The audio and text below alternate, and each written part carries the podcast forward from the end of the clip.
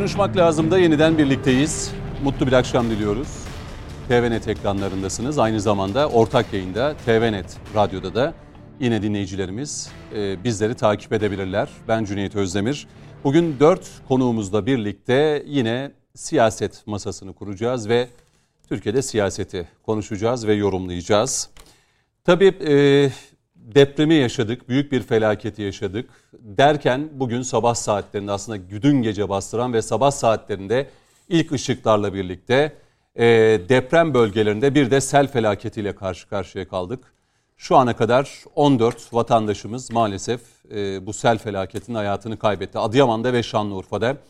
E, 12'si Şanlıurfa'da, ikisi Adıyaman'da olmak üzere 14 vatandaşımız ne yazık ki hayatını kaybetti. Kayıp olanlar var. E, onları arama ve bulma çalışmaları devam ediyor. Adıyaman'ımıza ve Şanlıurfa'mıza bir kez daha geçmiş olsun diyelim. E, tabii bunlar üzücü hadiseler, üzücü olaylar e, ve maalesef e, tek yapabileceğimiz bir daha bu tür olayların yaşanmaması ama e, bir imtihanı geçiyoruz, bir başka imtihanla karşı karşıya kalıyoruz. E, çocukluğumuzda, mahallemizde ya da sokağımızda, semtimizde biri vefat ettiğinde 3 gün televizyonu açmazdık. Birinci derece yakınımız olduğunda 10 gün, 40 gün, 40'ı çıkana kadar e, toplum olarak ne noktadayız, ne haldeyiz? Tabii kararı tamamıyla toplumun vicdanına bırakıyorum ama zor bir imtihandan geçiyoruz. Bilemiyorum farkında mıyız? Umarım farkında oluruz.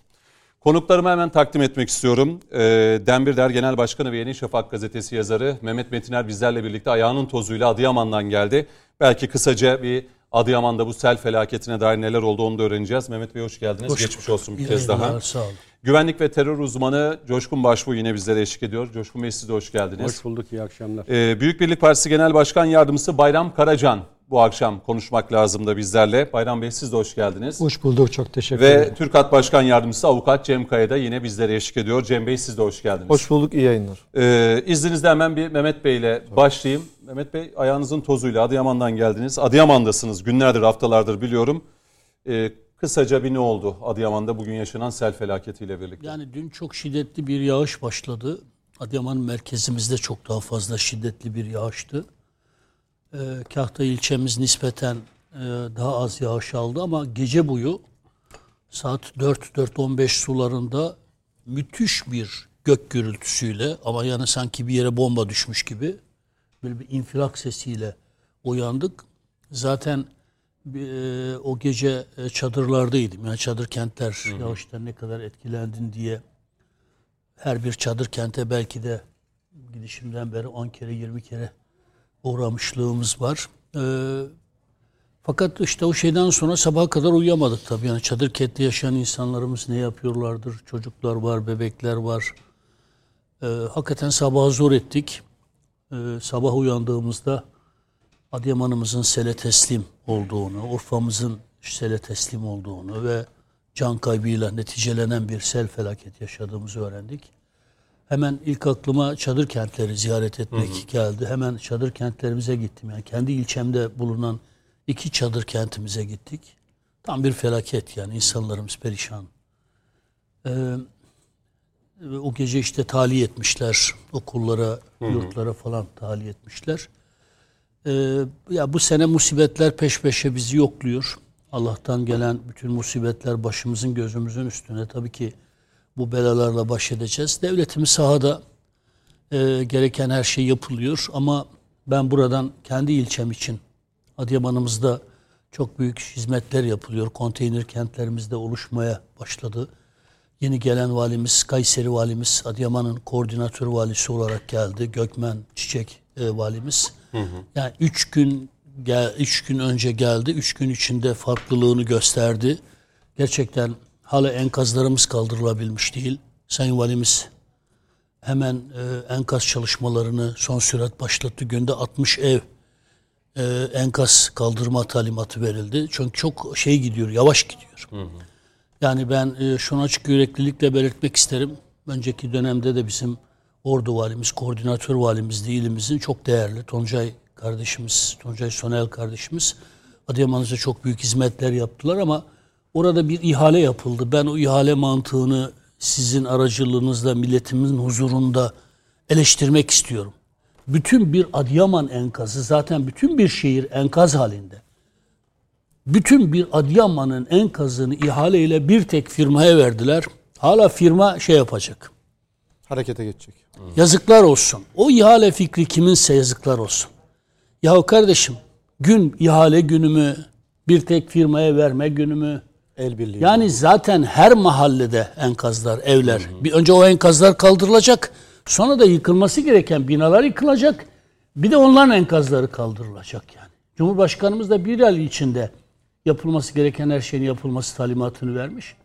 Sağ olsun Gökmen Çiçek valimiz gelir gelmez hemen bulup buluşturabildiği bütün araçları, firmaları harekete geçirerek onların e, kiralamalarını yaparak enkazı kaldırmaya başladı. Çünkü enkaz kalmadığı zaman deprem psikolojisi devam ediyor. Onun için ben Gökmen Çiçek valimize buradan bir Adıyamanlı olarak Adıyaman halkı adına da çok teşekkürlerimi sunuyorum. Ve bir kez daha hem Adil Bakanımıza Kara İsmailoğlu e, Adıyaman'ımızın e, da ilk günden beri bulunan Kültür Turizm Bakan Yardımcım, değerli kardeşim Ahmet Misbah Ahmet Demircan. Misbah Demircan ilk günden beri orada aslanlar gibi. Kendisine teşekkürlerimi sunuyorum. E, Gökmen Çiçek Valimize de buradan sesleniyorum. Lütfen ama ivedilikle e, Kahta'ya konteyner kent kursunlar. Çünkü Kahta'da e, neredeyse ilçemizin bütün vatandaşları dışarıda. Çünkü e, oturulacak binalarımız yok bizim. Evet yani ölü sayımız az ama oturulacak binalarımız yok bizim. Doğru. Dolayısıyla çok çok rica ediyorum. Yani yarın göndereceklerse bugün göndersinler. Beş gün sonra göndereceklerse yarın göndersinler ama ne yapıp edip o çadırlardan iptidai koşullarda oluşturulmuş. Her türlü hizmet veriliyor devletimiz tarafından ama toprak zemin üzerine afat çadırları kurulmuş. Yataklar bile toprak. Defalarca uyardım kendilerini. Bakınız yarın bir yağış olursa yani çok ayrıntıya girmek istemiyorum ama yapılması gereken çok şey varken, devletimiz o kadar imkanları seferber etmişken, bir takım böyle ya işte yemeğini verecek. Tam devlet her şeyi yapıyor. Gerçekten fazlasıyla yapıyor. STK'larımız her şeyi fazlasıyla yapıyor. Ama işte bir yağmur yağdığında o çadırların ne hale dönüşebileceğini sen önceden hesap etmelisin. Ben bu sabah gittiğimde orada drenaj şeylerini açtıklarını gördüm. Dedim ki peki üç gündür afat uyarıyor. Yağmur geliyor.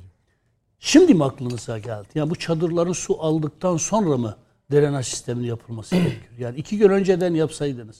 Şunu demeye getiriyorum. Yani reis ne kadar çabalıyorsa, hükümetimiz ne kadar çabalıyorsa ne yazık ki yani diyelim ki 10, 20, 30 tane iyi bir iş yapıyorsunuz. Birdenbire öngörüp halledeceğiniz bir sorunu çözmediğiniz için sanki hiçbir şey yapmamışsınız gibi bir algı oluşuyor. Mart, Nisan ayı Bunu yağışların da bol olacağı. onun için belki. rica ediyorum en az Adıyaman Kahta ilçemize en az bu aşamada 2000 konteyner evin acilen yapılması lazım. Aksi takdirde devletimizin bu kadar yapmış olduğu iyilikler, hizmetler böyle ufak tefek bir takım sıkıntılar, sorunlar yüzünden e, şeye gidebiliyor. Buradan da bu hassasiyetimi paylaşıyorum. Ben de hemşerilerime, Urfalı hemşerilerime, Şanlıurfa hemşerilerime şey yapıyorum ve teşekkürlerimi iletiyorum. CHP'nin orada Büyükşehir Belediye Başkanımıza edepsizce saldırmasını kınıyorum. E, Salih Ayhan valimize ya- yapılan, Şanlıurfa valimize yapılan davranışı, edepsizce davranışı kınıyorum. Ki Salih Ayhan bir kahramandır. Biz Adıyamanlıların gözünde bir kahramandır. Eğer Urfa Büyük, Büyükşehir Belediyesi ile valiliğiyle eğer Adıyaman'ımızın şeyine koşmasaydı var ya Adıyaman. bitmişti. E, yiyecek ekmek Doğru. yiyecek ekmek bulamadığımız anlarda, battaniye bulamadığımız anlarda imdadımıza koşan bir validir. Devletin bütün imkanlarını, belediyenin bütün imkanlarını Adıyaman'ımıza, diğer deprem bölgelerine gönderen bir valimizdir. Şanlıurfa için de yaptıklarını herkes biliyor ama orada üç tane densiz insanın o değerli valimizi, Büyükşehir Belediye Başkanımızı bu şekilde protesto etmesini de depremin acısını bu kadar çok politize etmesini de bölgenin bir insanı olarak şiddetle ve hiddetle kınıyorum. Çok Peki. yani.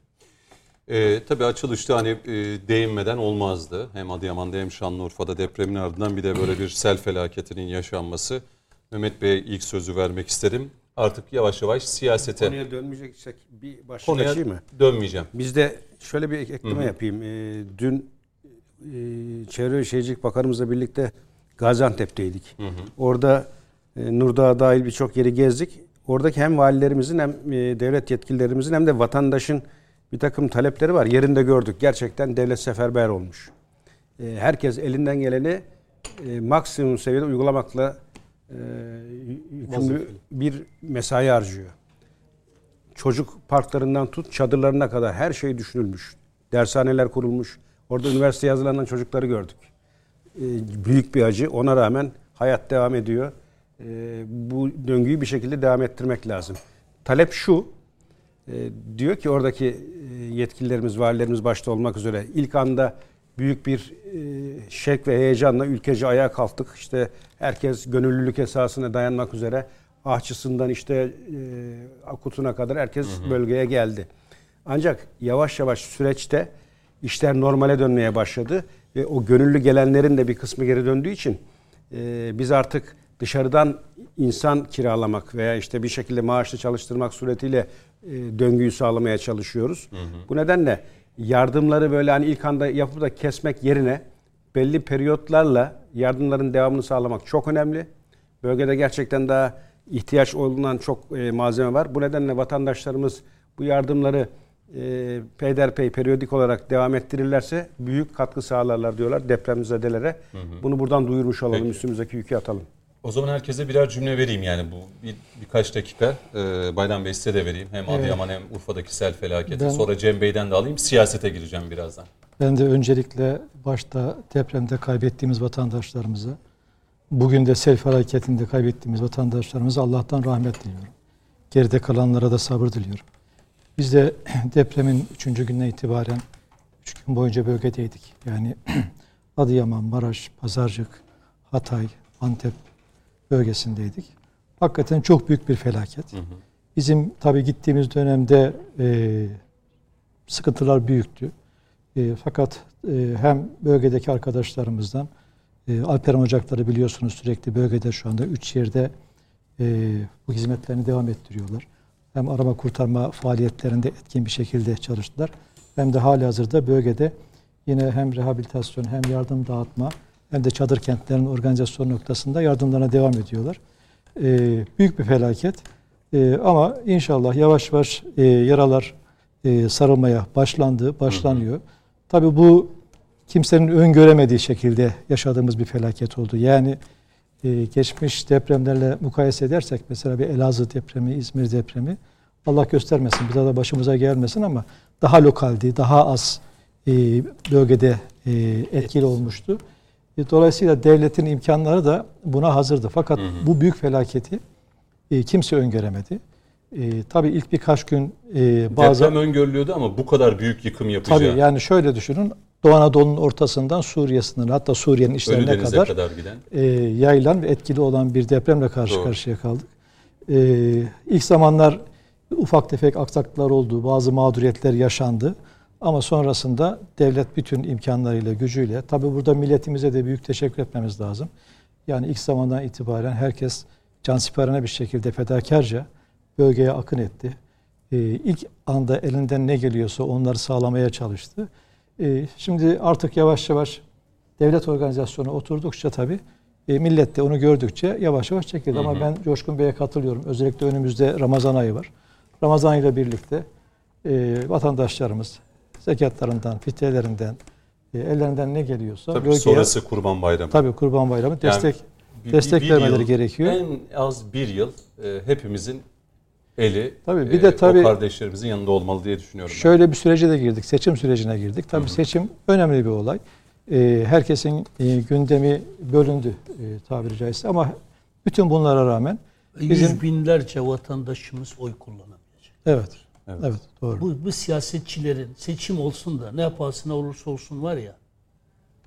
Bakın Tabii Cuma onun da başka- kadar ikamet değişikliğini bildirmeyen hiçbir vatandaşımız oy İşte kullanamayacak. o, onun da başka başka parametreleri şeyleri olacaktı. Yansımaları olacaktı. Dolayısıyla e, o da ayrı bir tar- tartışma konusu. Mutlaka konuşuruz. Evet. Bunu konuşacağız Ee, zaten. Ama en nihayetinde seçim gündemi varsa bile bizim bölgeyi kesinlikle unutmamamız lazım, ihmal etmememiz lazım. Hatta sadece bu birkaç ay içerisinde değil, orada hayat normale dönüp insanlar işte kalıcı konutlara geçip işlerini güçlerini yoluna koyuncaya kadar bütün millet olarak, devlet olarak oradaki vatandaşlarımızın her daim yanında olmamız gerekiyor. Peki. Cem Bey kaç dakikada size vereyim belki bu hem Adıyaman hem Ben de Urfa'daki çok sel kısa felaketi. hem sel hem deprem felaketinde rahmeti rahmana kavuşan tüm vatandaşlarımıza Cenab-ı Hak'tan affı mağfiret diliyorum. Bugün Mehmet abiyi gördüm. Bir e, sel felaketinden mutazarrır olmuş bir kız çocuğumuzun yanında bir poz veriyordu. Aslında söze gerek yoktu. Twitter'dan paylaşmışlar. Hakikaten çok etkileyici bir sahneydi. Ve hemen empati kurup kendimi, kendi ailemi, kendi e, akrabalarımı düşündüm. Bunu önemsememiz lazım. Sonra zaten izin o 3 günlük matem tweetini gördüm. Bakın 6 Şubat 18 Mart. Daha 18 Mart'a gelmedik. Daha 40 günümüz dolmadı ama çok farklı hadiseleri, tahayyülleri konuşuyoruz. Acımız, matemiz haf safhada. E, Mevlam bizi imtihan ediyor. Burada her şeyden önce Yüce Türk milletine ve yereldeki yöneticilere ben çok edebi kelamla söyledim Mehmet abi. Ben hakikaten onların çok büyük sorumluluk taşıdığını hem vicdanen hem hukuken ve bunun telafisinin olmadığını inanıyorum. Çünkü devletin yüzü sizsiniz orada. Devlet dediğiniz makamlar, mevkiler oradaki validir. Oradaki emniyet görevlileridir, silahlı kuvvetler mensuplarıdır, milletin vekilleridir, kanaat önderleridir. Cem sana bir şey söyleyeyim. Buyurun canım. Ben çok etkilediği için yani hakkını da teslim etmek açısından bilmiyordum ben. Tunceli valimiz var ya Mehmet Ali Özkan. Devlet kendisine görev vermeden depremi öğrenir öğrenmez 900 kişilik ekibiyle Tunceli'de ne bulabilmişse personel dahil ekipman her şey hangi yollarda nasıl ulaştığını anlattı bana ve o gün bugündür Mehmet Ali Özkan Bey orada. Yani şimdi o insanın yapıp ettiğinin, emeğinin hiçbir şeyi yok ya. Devlet bir anda böyle ama bak hiç kimse görev vermeden yapmış bunu. Yani al sen git oraya demeden. Depremi Bravo. diyor öğrenir öğrenmez bütün Tunceli'nin imkanlarını alarak yanıma. Ve hala orada ya. Bana öyle şeyler anlattı ki yani ve belki bu şu an ismini söylediğim için bile bana gönül koyar yani. Şeyi sevmez, Ar, şovu ar, sevmez. ar ediyor. Ben diyor de- vatandaş, ben, ben- milletim, benim devletim, ben görevimi yaptım. Ee, sayın vekilim diyor. Yani ama bazıları da bazı vekiller de Adıyaman üzerinde konuşmuyor. Nezaketen bakanla böyle STK'larla konuştuk falan. Ya girsene o çadırın içine ya. O çocuğun başını okşasana ya. Onun sorunlarını çözsene ya. Çözsene kardeşim. Ama öbürü de geliyor. Ben o valime, Bitlis valimize, Mehmet Ali hepsine çok çok milletimiz size şükran borçlu. İyi ki varlar. Dolayısıyla bu hep de e- ezelden beri söyleriz. Kul hakkı ve kötü idareci. Cenab-ı Hak bunları ayrı bir noktaya koyuyor mahkeme-i kübrada. Dolayısıyla devletin görünen yüzü onlar. Burada Erzincan valimiz keza Denizli Denizli, valisini Denizli, valimiz adamcağız boynunda görüyor. boynunda kemoterapi ilacıyla ayağında terlikle orada insanlara e, dertlerine deva almaya çalışıyor. Allah sayılarını artırsın. Ve her zaman içinde söyleyeyim bu millet büyük bir millettir. Yine acılar yaşayacağız. Belki şu an bile Türkiye'mizin herhangi bir yerinde yeni imtihanlarla karşı karşıya kalacağız. Allah birliğimizi ve beraberliğimizi daim ve kaim eylesin. Peki. Ee, amin diyelim biz de ve şimdi siyasetin e, başlıklarına bir göz atalım. Ee, artık adaylar belli. İttifaklar da e, belirlenmeye başladı. Mehmet Bey sizle başlıyorum. Cumhur İttifakı var, Millet İttifakı, aday da belli. Bir Ata İttifakı çıktı. Ee, belki 100 bin imzayı toplayıp e, aday olacak başka isimler de yani Muharrem İnce, Öztürk Yılmaz, e, işte Sinan Oğan e, bunları da göreceğiz. Şimdi e, depremin e, hala e, seçimde belirleyici faktör olacağını yani Sayın Cumhurbaşkanı bugün grup toplantısında e, biz can derdindeyiz, muhalefet mal derdinde dedi ve biz seçim sandık gelene kadar e, tek gündemimiz deprem ve deprem bölgesindeki vatandaşlarımız dedi. Kesinlikle. Mitinglerin nasıl yapılacağını anlattı. E, milletvekilliği aday adayı olanların yatıracakları paraların da yatırılması gerektiğini belirtti. Şimdi iktidar bunu yaparken muhalefet ve Millet İttifakı adayını belirledi ve Sayın Kılıçdaroğlu Mansur Yavaş'la birlikte seçim startını e, depremin yaşandığı e, bölgede başlattı. Bu bir doğru hamle mi e, size göre yani Millet İttifakı cephesinden baktığımızda iktidar diyor ki gündemimiz bizim bu. Millet İttifakı da Cumhurbaşkanı adayını belirledikten sonra seçim startını o çadırda verilen fotoğrafı biliyoruz Mansur Yavaş'la. E, sonrasında e, yine açıklamaları var bedava ev yapacağız tek kuruş almayacağız diye. Deprem bölgesinde seçim startının verilmesi size göre doğru bir Çok strateji yanlış. mi? Nasıl değerlendiriyorsunuz? Çok yanlış. İstanbul'da 5 yıldızlı, 7 yıldızlı otelde şey yapacaksın. Orada bir geceliğine bir de iyi de içine iyi de tefriş edilmiş. Keşke dün akşam Adıyaman'ın Kahta ilçesinde su alan e, Çadır. su aldığı için de yatakları ıslanan o çadırda yatsaydı Kemal Bey. Kemal sizi oraya davet ediyorum. Çok meraklıysanız 10 gününüzü o şekilde çadırda geçirin. Böyle geçerken içi tefriş edilmiş çadır pozları üzerinden siyaset yapmak saygısızlıktır ya. O acıya saygısızlıktır ya. Ben deprem bölgesinde siyaset yapılmasına şiddetle karşıyım. Seçim propagandası yapılmasına şiddetle karşıyım. Ne anlatacaksın ya? Bize bedava ev vereceğim. Yani İmamoğlu da gökyüzündeki yıldızları vaat etti. Yani ne verdi? Bedava ev vereceğim. Yani bunlar bunlar hoş şeyler değil. Ben bütün partilerimize buradan sesleniyorum. Lütfen deprem bölgesini siyaset dışı bıraksınlar ya. Gitmesinler oraya. Turist gibi gitmesinler ya. Yani o acıyı siyasete dönüştürecek e, şey yapmasınlar ya. Acı şov aracı olmasın, politik şov aracı olmasın ya. Zaten vatandaşlar televizyon izlemiyor ya. Coşkun ben günleri şaşırdım ya. Beş gündür oradayım. Allah Her haftanın artırsın. beş günü neredeyse oradayım. Ben günleri şaşırdım ya. Hangi şu an ayın kaçıdır bilmiyorum yani. Orada sen- zaten televizyon izleme imkanı yok. Herkes kendi canının derdinde. Çadırda yaşayanların dışında akrabaları başka derdinde. İnsanlarda bir gelecek, bir belirsizlik var. Hükümet elinden gelen her şeyi yapıyor. Biz kendi partimizin de AK Parti'nin de seçim flamalarıyla çadırlarda dolaşmasına karşıyız ya. İşiniz gücünüz mü yok? Gideceksiniz, acıyı kaşıyacaksınız. Yani öbürü gelecek başka bir şey söyleyecek. Bunlar keşke o nezaketi gösterebilse siyasi partilerimiz. Ya o 11 ilimizde gitmesinler ya. Seçim propagandalar yapmasınlar orada ya. Çadır kentlere gitmesinler ya. Konteyner kentlere gitmesinler ya. Ya vatandaşımız zaten görüyor yani. Ee, bunu, bunu söyleyeyim it- ittifak konusu. İttifaklara gelince evet 14 Mayıs'a 59 gün var. Ee, şöyle hatta aslında sorayım. Şimdi hafta sonu o kritik görüşme belirlendi. Yani Millet İttifakı'nın Cumhurbaşkanı adayı olarak HDP ile görüşecek demişti Mithat Sancar ve tarihte belli. Cumartesi günü saat 14'te. Bu cumartesi mi? Evet bu cumartesi Sayın Kılıçdaroğlu e, HDP'yi ziyaret edecek. Yani bence HDP masaya dahil edilmeli. Ya bu maskeli balo dönemi sona ermeli. En başından itibaren bunu söylüyorum. Hem HDP'ye laf dokundurmayacaksınız. Hem HDP'yi masanın dışına iteceksiniz. Hem HDP PKK'nın partisidir, meşru değildir diyenlere çemkireceksiniz. Hayır ne münasebet HDP de tıpkı diğer partiler gibi yasal meşru bir partidir diyeceksiniz. Hem de HDP'yi masaya dahil etmeyeceksiniz. Yani Demokrat Parti'yi dahil ediyorsunuz, HDP'yi dahil etmiyorsunuz. Yani ülkenin üçüncü büyük partisini. Yani İyi Parti'den de büyük bir parti cüsse itibariyle. E peki HDP'yi hangi özelliğinden dolayı sen resmiyette o masaya dahil etmiyorsun? PKK'nın partisi olduğu için mi? Kemal Bey'e defalarca sordum. Kemal Bey HDP bu şeyin ne? Hem istiyorsun bütün oylarını sana versin. Merak etme zaten verecek yani. Kandil'deki terör baronları zaten talimatı verdiler. Sen ne kadar HDP üzerinden bu ülkenin Kürtlerini aşağılasan da zaten sana verecekler. Çünkü onların tek düşmanı var Erdoğan.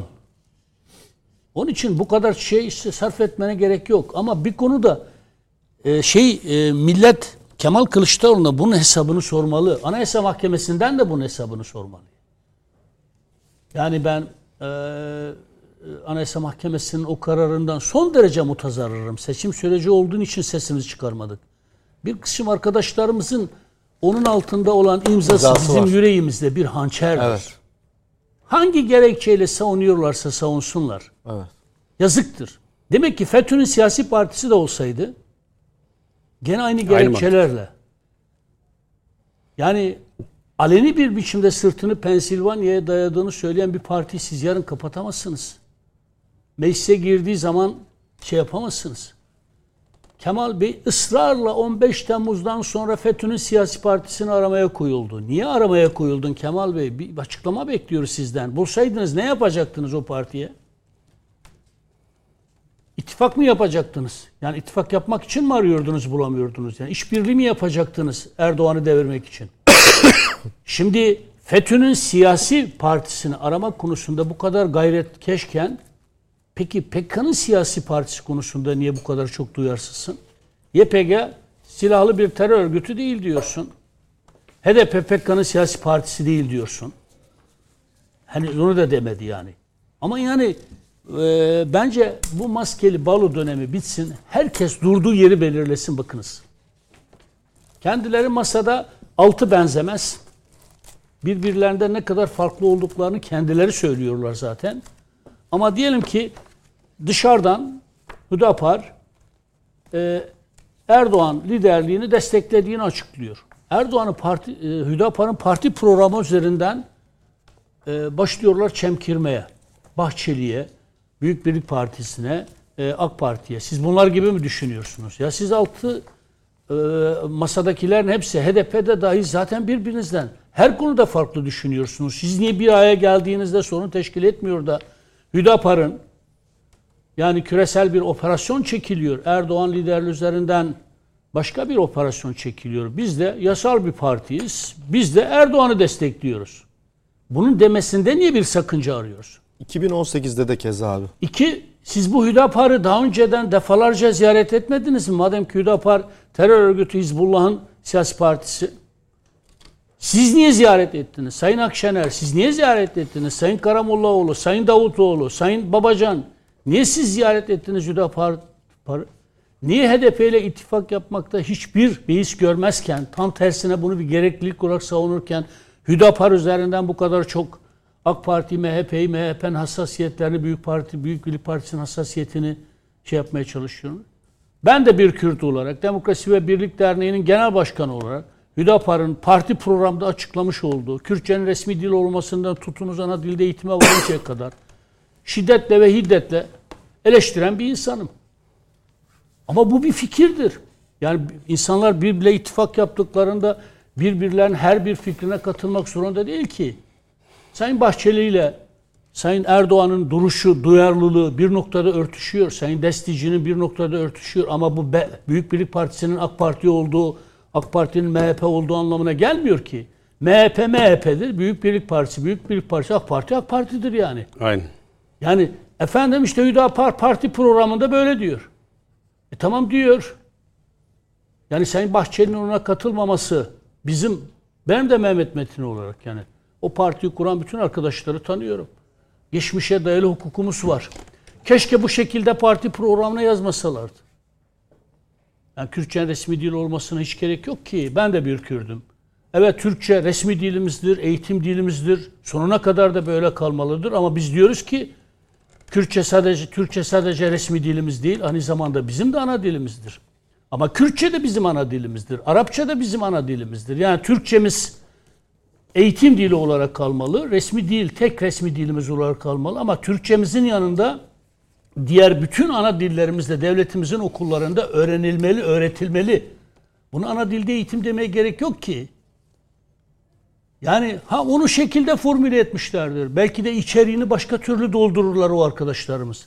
Ama tut ki böyle düşünüyor olsalar bile. Onun için yani ben Hüdapar'ı şunu... ayrıca açacaktım ama siz Hüdapar'a da girdiniz. Ha, başta ben yok, biraz... Estağfurullah. Yani böyle bir toptan gidiyorsunuz o yüzden araya gireyim dedim. tamam. Bazı şeylerinizi bence saklı Yani bence Cumhur İt- evet Cumhur İttifakı e, doğru bir zeminde yürüyor. Hı hı.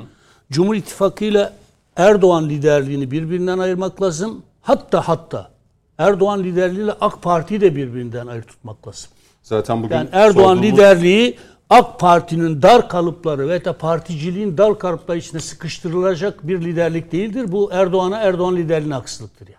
Bugün editör arkadaşımız Burcu'yla da konuşurken bir sorumuz vardı. Yani seçimi ittifaklar mı yoksa liderler mi kazanacak? Bir de böyle de bakmak gerekiyor. İttifaka ayrı bakmak gerekiyor. Partilere Aynen. ayrı bakmak gerekiyor. Bence de. Bir de liderlere ayrı bakmak bir gerekiyor. Hüdapar'ı ayrıca açacağım yani. ve tamam. soracağım. Ee, siz biraz giriş yaptınız o yüzden bazı şeyler saklı tutuluyor. Yani yok yok hiç önemli değil. Ee, Bayram Bey size döneyim. Ee, şimdi e, bu ittifaklar e, dışında yer alan partiler de var mesela. Merak onlar da e, merak ediyor. Çünkü bu Cumhurbaşkanlığı hükümet sistemi ve e, ilk tur ve ikinci tur artık 0.2, 0.3, 0.4 bile oy alan bir parti bir ittifak için e, önem arz ediyor. Doğru. Yani büyük parti, küçük parti diyoruz biz böyle oy açısından ama yeri geldiğinde %50.1'i alan seçi seçimi kazanmış olacak. 49.99'un yürütme açısından bir anlamı yok. Evet. Dolayısıyla e, siz Cumhur ve e, Millet İttifakı haricinde e, diğer partilerin şu an nasıl bir yol izleyeceğini ya da yeni ittifaklar oluşabileceğini düşünüyor musunuz? Mesela bir Muharrem İnce, bir e, işte Sinan Oğan, e, hatta Ata İttifakı deniliyor. Hatta bir, bir ittifakın da oluşabileceği işte sol grubun ama orada da o sol grubu galiba HDP dün bir amblem paylaştı galiba. Yeşiller o, he, sol Yeşiller sol diye. Biraz bunu değerlendirmenizi Şimdi isteyeceğim. Şöyle e, bu biliyorsunuz 2017 yılında referandum yapıldı. Referandumla birlikte sistem değişikliğine gittik. gittik. Biz o dönemde yapmış olduğumuz değerlendirmelerde yani Cumhur İttifakı'nın e, daha doğrusu Cumhurbaşkanı hükümet sisteminin gelmesiyle ne gibi değişiklikler olacağını değerlendirirken o zaman şunları ifade etmiştik. Bir kere bu yeni sistem e, siyasi partilerin birbiriyle uzlaşma zorunluluğunu getirecek. Yani önceden de ittifaklar oluyordu tabii e, şeyden e, seçimlere giderken. Hı hı. Fakat o ittifaklar tabiri caizse hülle yöntemiyle oluyordu. Yani yasal değildi. İşte siyasi partilerin mensupları istifa edip başka bir partiye katılıyorlardı. Oradan seçime giriyorlardı. Ee, ama bu yeni sistemle e, ittifaklar yasal bir zemine oturduğu için ve de e, Cumhurbaşkanlığının yani yürütmeyi yapacak şahsın kişinin seçilmesi için yüzde 50 artı bir oya ihtiyaç olacağı için hı hı. bütün partilerin birbiriyle ittifak yapması gerektiği zorunluluğunu ortaya çıkaracağını söyledik. Hatta hı hı. o zaman sadece siyasi partiler değil, bünyesinde belirli miktarda oy bloke eden sivil toplum kuruluşlarının dahi çok önemli hale geleceğini, siyasi hı hı. partilerin bunları ikna etmek, yanlarına çekmek, desteklerini almak adına onlarla da görüşmek zorunda kalacağını ifade etmiştik. Evet. Ve neticede süreç buraya getirdi. 50 artı bir e, şartı dolayısıyla hı hı. işte ilk başta Cumhur İttifakı ve Millet İttifakı oluştu. E, daha sonra da daha küçük ittifaklarda oluştu. Şu anda Şu da... soruyu hemen yönelteyim. Mesela evet. siz de Cumhur İttifakı'ndasınız. Hüdapar, işte Demokratik Sol Parti hatta Anavatan Partisi, hı hı. bu partiler de mesela Cumhur İttifakı için konuşulan partiler. Hı. Mesela Hüdapar'ın Cumhurbaşkanı Erdoğan'ı destekleyeceğiz kararının ardından görüşme oldu. Bugün Hüdapar sözcüsüyle de ben canlı yayında gündüz konuştuğumda Hı. Birkaç toplantı daha yapacağız dedi. Büyük Birlik Partisi Cumhur İttifakı içerisinde Hüdapar'ın olmasından rahatsız mı, memnun mu, nötr müsünüz? Poz yani duruma nasıl bakıyorsunuz? Şimdi bunu anlatabilmem için biraz zamana ihtiyacım Öyle olacak. Mi? Evet şöyle çok kısaca peki, anlatmaya çalışacağım. Peki. Bunu şöyle Büyük Birliğin kuruluş felsefesinden bugüne kadarki süreci anlatmam gerekiyor ki bizi, Ama oraya girersek Yok zaman, şöyle heh. çok kısaca. Öyle mi? Peki. Bizi bizi anlayanlar ne demek istediğimi anlasın. Hı-hı. Bakın Büyük Birlik Partisi kurulurken bir bildiriyle ortaya çıktı. Biz buna milli mutabakat metni dedik. Hı hı. Biz bunu çok da önemsiyoruz. Milli mutabakat metninin bir bölümünde şöyle diyor. Diyor ki Cenab-ı Allah'ın varlığı ve birliği Hazreti Peygamber'in risaleti dışındaki her şeyi konuşabiliriz, tartışabiliriz. Hı. Bakın Cenab-ı Allah'ın varlığı ve birliği Hazreti Peygamber'in risaleti haricindeki her şeyi tartışabiliriz, konuşabiliriz. Bu bizim açımızdan şu anlamda önemli. Büyük Birlik Partisi'nin oturduğu temelin ifadesi açısından çok önemli. Yani bizim bu manada dogmatik bir yaklaşımımız yok. Bu bir. E, dolayısıyla her türlü siyasi görüşü biz masaya koyabiliriz tartışabiliriz, konuşabiliriz. Hı hı. Tabii tartışırken, konuşurken bunları kabul edeceğimiz anlamına gelmez. Doğru. Yani ama tartışırız, konuşuruz ve meşrudur. Fakat bunun bir sınırı vardır. Bunun sınırı şudur. Ne zaman ki herhangi bir organizasyon, bunun adına siyasi parti deyin, başka bir şey deyin, örgüt deyin, görüşlerini, düşüncelerini terörle, şiddetle e, bir başkasına tahakküm etmek isterse, kabul ettirmek isterse bu bizim açımızdan bir kırmızı çizgidir. Biz bunu kabul edemeyiz. Dolayısıyla bu duruştan hareketle bugün örnek veriyorum işte HDP e, Türk siyasetinde e, bir parti. Fakat arkasına almış olduğu terör örgütünün e, siyasi uzantısı olması, onun bir siyasi aparatı gibi Türk siyasetinde yer alması dolayısıyla biz HDP'yi meşru bir siyasi parti olarak kabul etmiyoruz. Ee, ve e, Anayasa Mahkemesi'nin de bu meseleyi, kapatma davası ilgili meseleyi bu kadar uzatmasını da anlayamıyoruz. Buradan bir şeye geleceğim. Tabii. Mesela bizim özellikle demokrasi havarisi olarak kendisini takdim eden bazı kesimler vardır. Özellikle işte liberal çev- çevreler veya merkeze yakın çevreler bu tür demokrasi havarili yaparlar. Biz HDP ile ilgili tepkilerimizi ortaya koyduğumuz zaman şu iddiayla ortaya çıkarlar. Efendim bu partiye 6 milyon 7 milyon insan oy veriyor. Dolayısıyla bu kapatılamaz. İkinci argümanları da şu. E diyelim kapattık. E hemen ardından yeni bir tane siyasi parti kuruluyor. Bir hukuk devletinde bunlar söz konusu dahi olamaz, konuşulamaz. Çünkü bir fiil eğer suç ise o suç olan fiilin etrafındaki taraftar sayısı çok ise o fiilin suç olma niteliği değişemez. Değişmesi için kanunları değişmesi gerekir. Mesela biz şunu yapsak. Desek ki ya Türkiye'deki siyasi partiler arkalarına bir terör örgütünü veya şiddetten beslenen bir yapıyı alıp siyasette yapılabilir desek kanunlarda bu meşru olur. Böyle bir şey mümkün müdür? Var mı bizim kanunlarımızda? Yok. Hem anayasamızda yok hem siyasi partiler kanununda yok. İkincisi efendim e biz bunu kapattığımız zaman kısa zaman içerisinde yeni bir tanesi kurulacak. E o zaman mesela sürekli suçlar tekrarlanıyor. Mesela hırsızlık oluyor, cinayet oluyor. O zaman biz bunları suç olmaktan çıkaracak mıyız? Böyle bir şey de yok. Veya faili cezalandırmaktan vaz mı geçeceğiz? Vaz mı geçeceğiz? Dolayısıyla böyle bir şey de yapamayız. Buna hem çağdaş hukuk normları izin vermez hem de bizim hukukumuz Bugün izin mesela vermez. Sayın Ekrem Alfatlı ile gündüz yayınında konuşuyorduk. Bu bloke edilmesinin, e, blokenin kaldırılması velev ki dedi seçim sonrasında Anayasa Mahkemesi kapatma kararı aldı diyelim. Yani şimdi seçim e, hazineden gelen yardım verildi diyelim. Kapanan partiden bu para nasıl tahs- tahsil edecek? Yani Anayasa Mahkemesi... Bana göre ondan daha vahim durumu Vahim şu. olsun. Daha vahimi şu. Şimdi bir ay önce veya bir buçuk ay önce bloke kararı veriyorsunuz. Evet. Benim bildiğim kadarıyla Anayasa Mahkemesi'nin üyeler arasında bir görev değişikliği olmadı. Ee, yani birisi o sandalyeden, koltuktan kalkıp da yerine başka biri gelmedi. Ne, 8'e 7 karar alınmıştı. Ne bloke. oldu da? 8'e 7 kaldırıldı tek. ne oldu da o bloke kararı veren arkadaş bu kararı kaldırma kararını aldı? Yani ya bir kere kendisiyle çelişmiş olacaktı. Tamam mı? Ama buradan bir başka şeye gelmek lazım. Mesela yine bizim bu demokrasiyi çok vurgulayan çevreler bize şunu örnek veriyor. Efendime söyleyeyim işte e, demokrasinin vazgeçilmez unsuru siyasi partilerdir falan filan.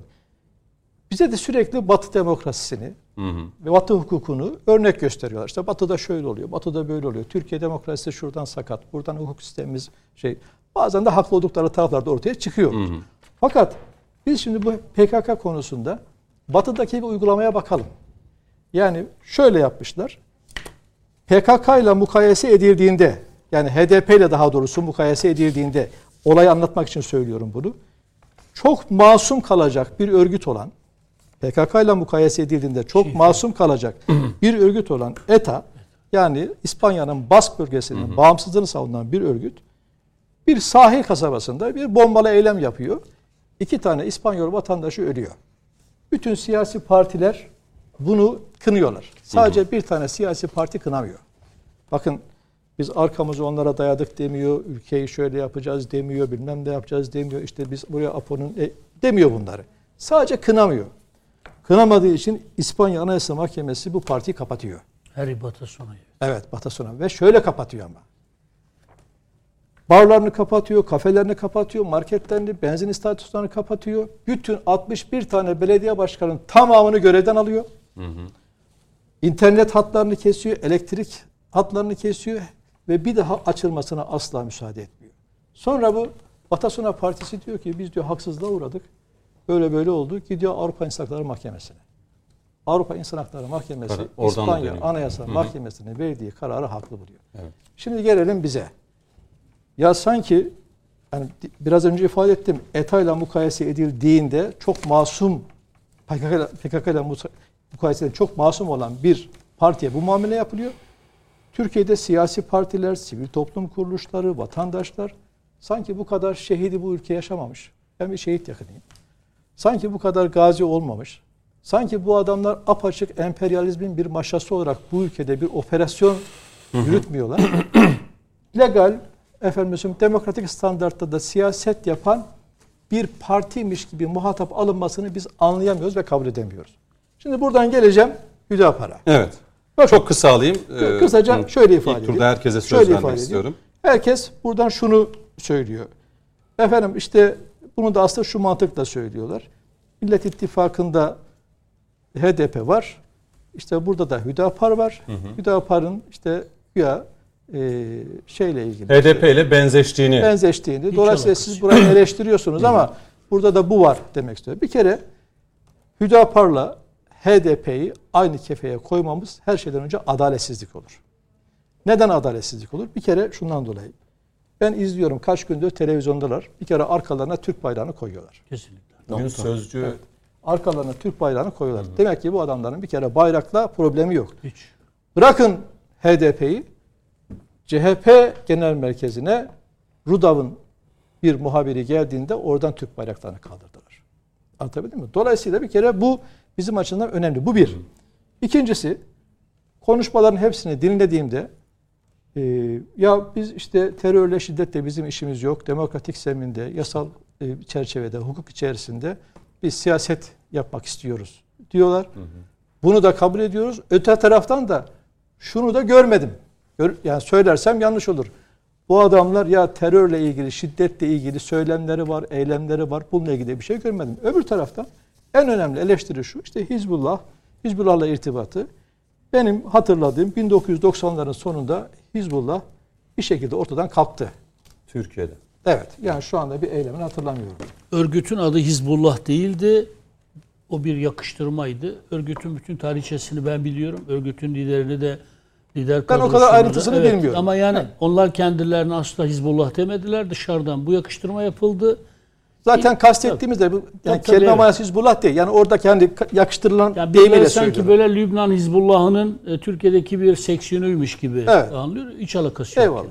Şimdi 2012'de kurulmuş o günden bugüne kadar da terörle, şiddetle ilgili hiçbir bağlantısı olmamış. Ama buna rağmen biz Hüdapar'ın parti programına baktığımızda biraz önce Sayın Metinler'in de söylediği gibi kabul etmediğimiz hatta karşısında durduğumuz hükümler var. Ee, biz e, bunları doğru bulmuyoruz. Bunlarla ilgili e, yapılacak olan işte siyasetin, söylemin, eylemin e, Türk milletine yani Türk milletine kas, e, tabirini de biz şöyle kullanıyoruz. Kürdü Türkmeni, Lazı Çerkezi, Arabı, Alevisi, Sünnisiyle Türk milleti diyoruz. Ya, bu da bir üst kimlik olarak bunu kullanıyoruz. Yoksa bir ırk temel olarak bunu kullanmıyoruz. Türk milletine bir fayda getirmeyeceğini düşünüyoruz. Yani İslam'la şereflenmiş bir Evet. Öte taraftan, Kültürel öte taraftan var. burada bizim alakalı ayrıca bir parantez açacağım. Ben sadece görüşünüz hani Büyük Birlik Partisi olarak nasıl cevabı aldım kamuoyuda. Bizi Ya üstelik izleyenlerin Küra de- Partisi de Büyük Birlik Partisi'nin bazı görüşleri hiç Ya katılmayabilir. mutlaka farklı olabilir İlla de. ittifak şimdi, yapmak için her yani görüşe de genel katılmak dışarıdan, gerekmiyor yani. Dışarıdan şöyle bir bakış açısı var. Ya Cumhur İttifakı'nda da işte Hüdapar'dan rahatsız olanlar olabilir. Ee, ya da ittifakın içine nifak sokmaya çalışanlar var. Şöyle- Hatta ben o parantez içinde açacağım birazdan. Sayın Metiner size soracağım. Barış arkadaş bir tweet attı. Cumhur İttifakı ve AK Parti Hüdapar'ı nasıl hazmedebilecek mi diye bir Ama soru yöneltti. 6284 ile ilgili de tweet attılar. Metin Aha. burada. İlgisi son alakası cümlelerimi de Tabii söyleyeyim. bir cümle daha alayım Son hemen. Cem Bey'e ve Coşkun'a Biraz önce ifade ettiğim biz Hüdapar'ın programını ve siyaset tarzını kabul etmiyoruz. Doğru bulmuyoruz. Karşı e, hatta karşısına duruyoruz. Ama bu şu demek değil ki HDP'deki gibi reddetmek manasında değil. HDP'yi ayrı bir yere koyuyoruz. Hüdapar'ı ayrı bir yere koyuyoruz. Onlar da kendi fikirlerini, düşüncelerini, siyasetlerini demokratik zemin içerisinde yapabilirler. Şimdi Altılı Masa'nın veya Altılı Masa taraftarlarının bu işi gündeme getirmesinin asıl sebebi ne? Bana göre Virgül koyun onu birazdan açacağım. Çünkü Peki. iş tamamıyla Hüdapar'a. Herkese bir söz vereyim. Şimdi burada hukukçu olarak Cem Bey de bizimle beraber. Ee, bu cumartesi günü yapılacak görüşmeyle alakalı şöyle bazı hatırlatmalarda bulunayım. Ondan sonra size e, pası vereyim. Ee, CHP, HDP ile görüşebilir ama bizim olduğumuz masaya getiremez demişti Meral Akşener. Kriz çözüldükten sonra 6 Mart akşamı. Ee, sonrasında e, Cumhurbaşkanı adayı olarak HDP ile görüşeceğini ifade etmişti. Faik Öztürk, e, Sayın Kılıçdaroğlu'nun. E, ve sonrasında e, Mithat Sancar da CHP Genel Başkanı olarak değil, Millet İttifakı'nın Cumhurbaşkanı adayı olarak bizimle görüşecek dedi. Doğrusu o. İyi Parti Genel Başkan Yardımcısı Ümit Özdağ'le bir açıklama yaptı. HDP'liler de bizim seçmenimiz. Onlara da anlatacağız. Onları da ikna etmeye çalışacağız. Dolayısıyla Sayın Kılıçdaroğlu'nun Millet İttifakı'nın Cumhurbaşkanı adayı olarak HDP'yi ziyaret etmesi kadar normal bir şey yok dedi. Buradan sözü size vereyim. Aslında çok güzel bir pas attınız. Mehmet abi söyledi değerli büyüğünün. Maskeli bir siyaset, maskeli balo. Ben buna hisseli harikalar kumpanyası dedim bu hafta sonu bir Özlem Doğan kardeşimize mülakat verdim naçizane. Herkes açık ve net olmalı. Esasen Türkiye'de net söyleyeyim bunu müsbet manada söylemediğimi herkes bilir bizim tavrımız hasebiyle. En net parti HDP. Her şeyi söylüyorlar. Biz parti programımıza da yazdık. Biz Kandil'den olan desteğimizi aldık. Biz silahlı kuvvetlere, Mehmetçiğe her türlü sövgüde de bulunuyoruz. Bizim Türkiye Cumhuriyeti Devleti'ni bölmeye yönelik plan ve eylemlerimiz aşikar. Hı hı. Bu bir kere net bir şekilde ortaya koyuyor. En azından münafıklık yapmıyor. Ve fakat diğer siyasi partilerde bir mış gibi yapma anlayışı var. Şimdi Devlet Bey'in bu konuda bir açıklaması var. Oradan bir e, açıkla e, izahatta bulunalım. Tabii. Salı grup konuşmasında lider şunu söylüyor. Kürt kökenli kardeşlerim başkadır.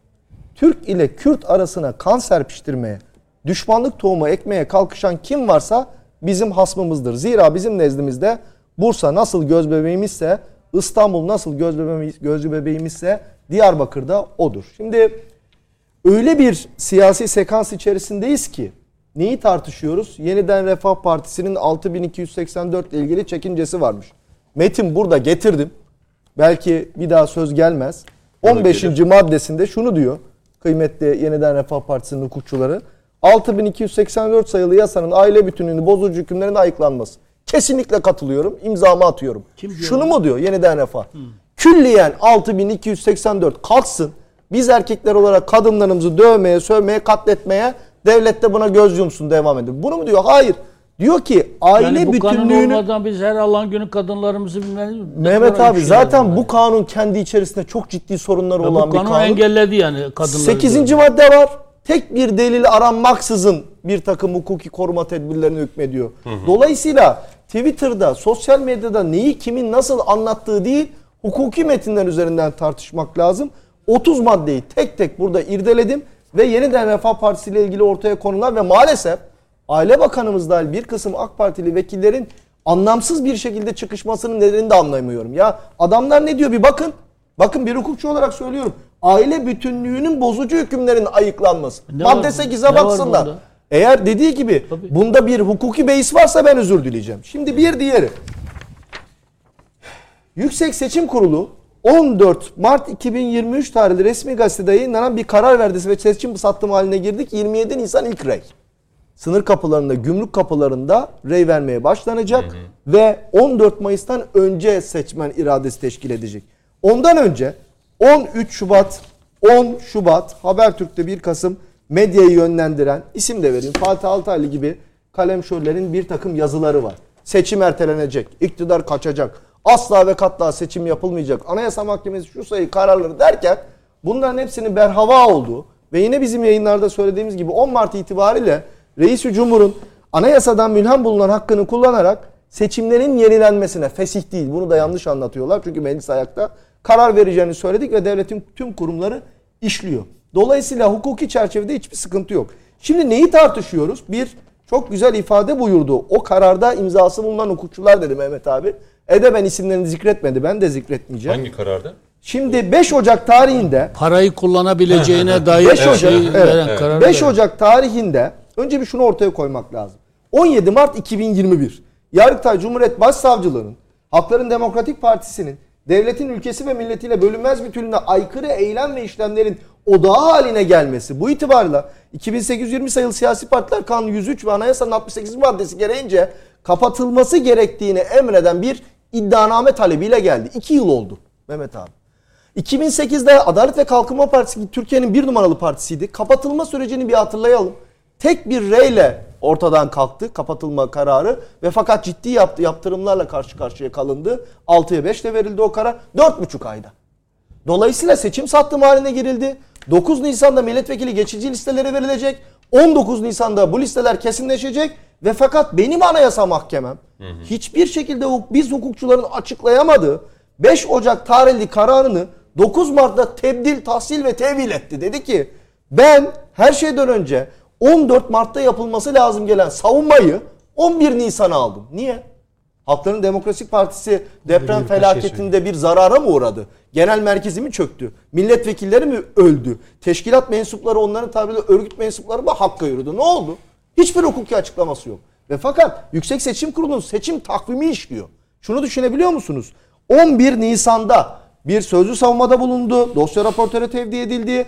Yargıtay Cumhuriyet Müddeyi Umumisi gitti. Esas hakkında mütalasını verdi. Ve en nihayetinde 15 kıymetli hakim oturdu ve partiyi kapattı. E milletvekili esame listeleri kesinleşti. Ne yapacaksınız? Büyük tehlike. Anayasa 78 vekil burada. Ara seçime gitmek zorundasın. %5'i mürtefi olacak parlamentonun. Hiçbir hukukçu bunları konuşmuyor. Peki Anayasa Mahkemesi'nin ne yapması lazım evvel emirde? Biz 9 Mart'ta bu kararı verdik ama Riyaseti Cumhur Makamı 10 Mart'ta seçimlerin yenilenmesine karar verdi. Anayasadan kaynaklanan etkisini kullandı ve 14 Mart itibariyle de bu husus yani seçim takvimi yayınlandı, neşredildi. Hemen yeniden bir araya gelmesi lazım. Çünkü işlerine geldiği zaman çok iyi bir araya geliyorlar. Yeni bir ara karar ta- e, e, ihdas edip bu hususta HDP'nin sözlü savunmasını alması lazım. Şimdi ifade buyurdu kıymetli üstadım. Yani dava bir Bahsettiği yandan karar devam ediyor. Milletvekili seçimleri kesinleşecek. Çünkü Listeler seçim- belli olacak evet, belki. Evet siz 11 Nisan'da sözlü savunmaya geçiyorsunuz. Ya bitti velet Tamam, abin. tamam, bu süreç devam ediyor. Kapattın. Ne olacak? Mürtefi oluyor. Vekillikler siyasi yasak Bu geliyor. seçim sonrasında olabilecek bir şey. Ama Parlamento boşalır beyefendi. Tekrar seçime gidersiniz. Türkiye Cumhuriyeti demokrasi tarihine Türkiye geçer. genelinde değil sadece E, parlamentonun %5'i mürtefi oluyor. evet. Şimdi bunları konuşmak lazım.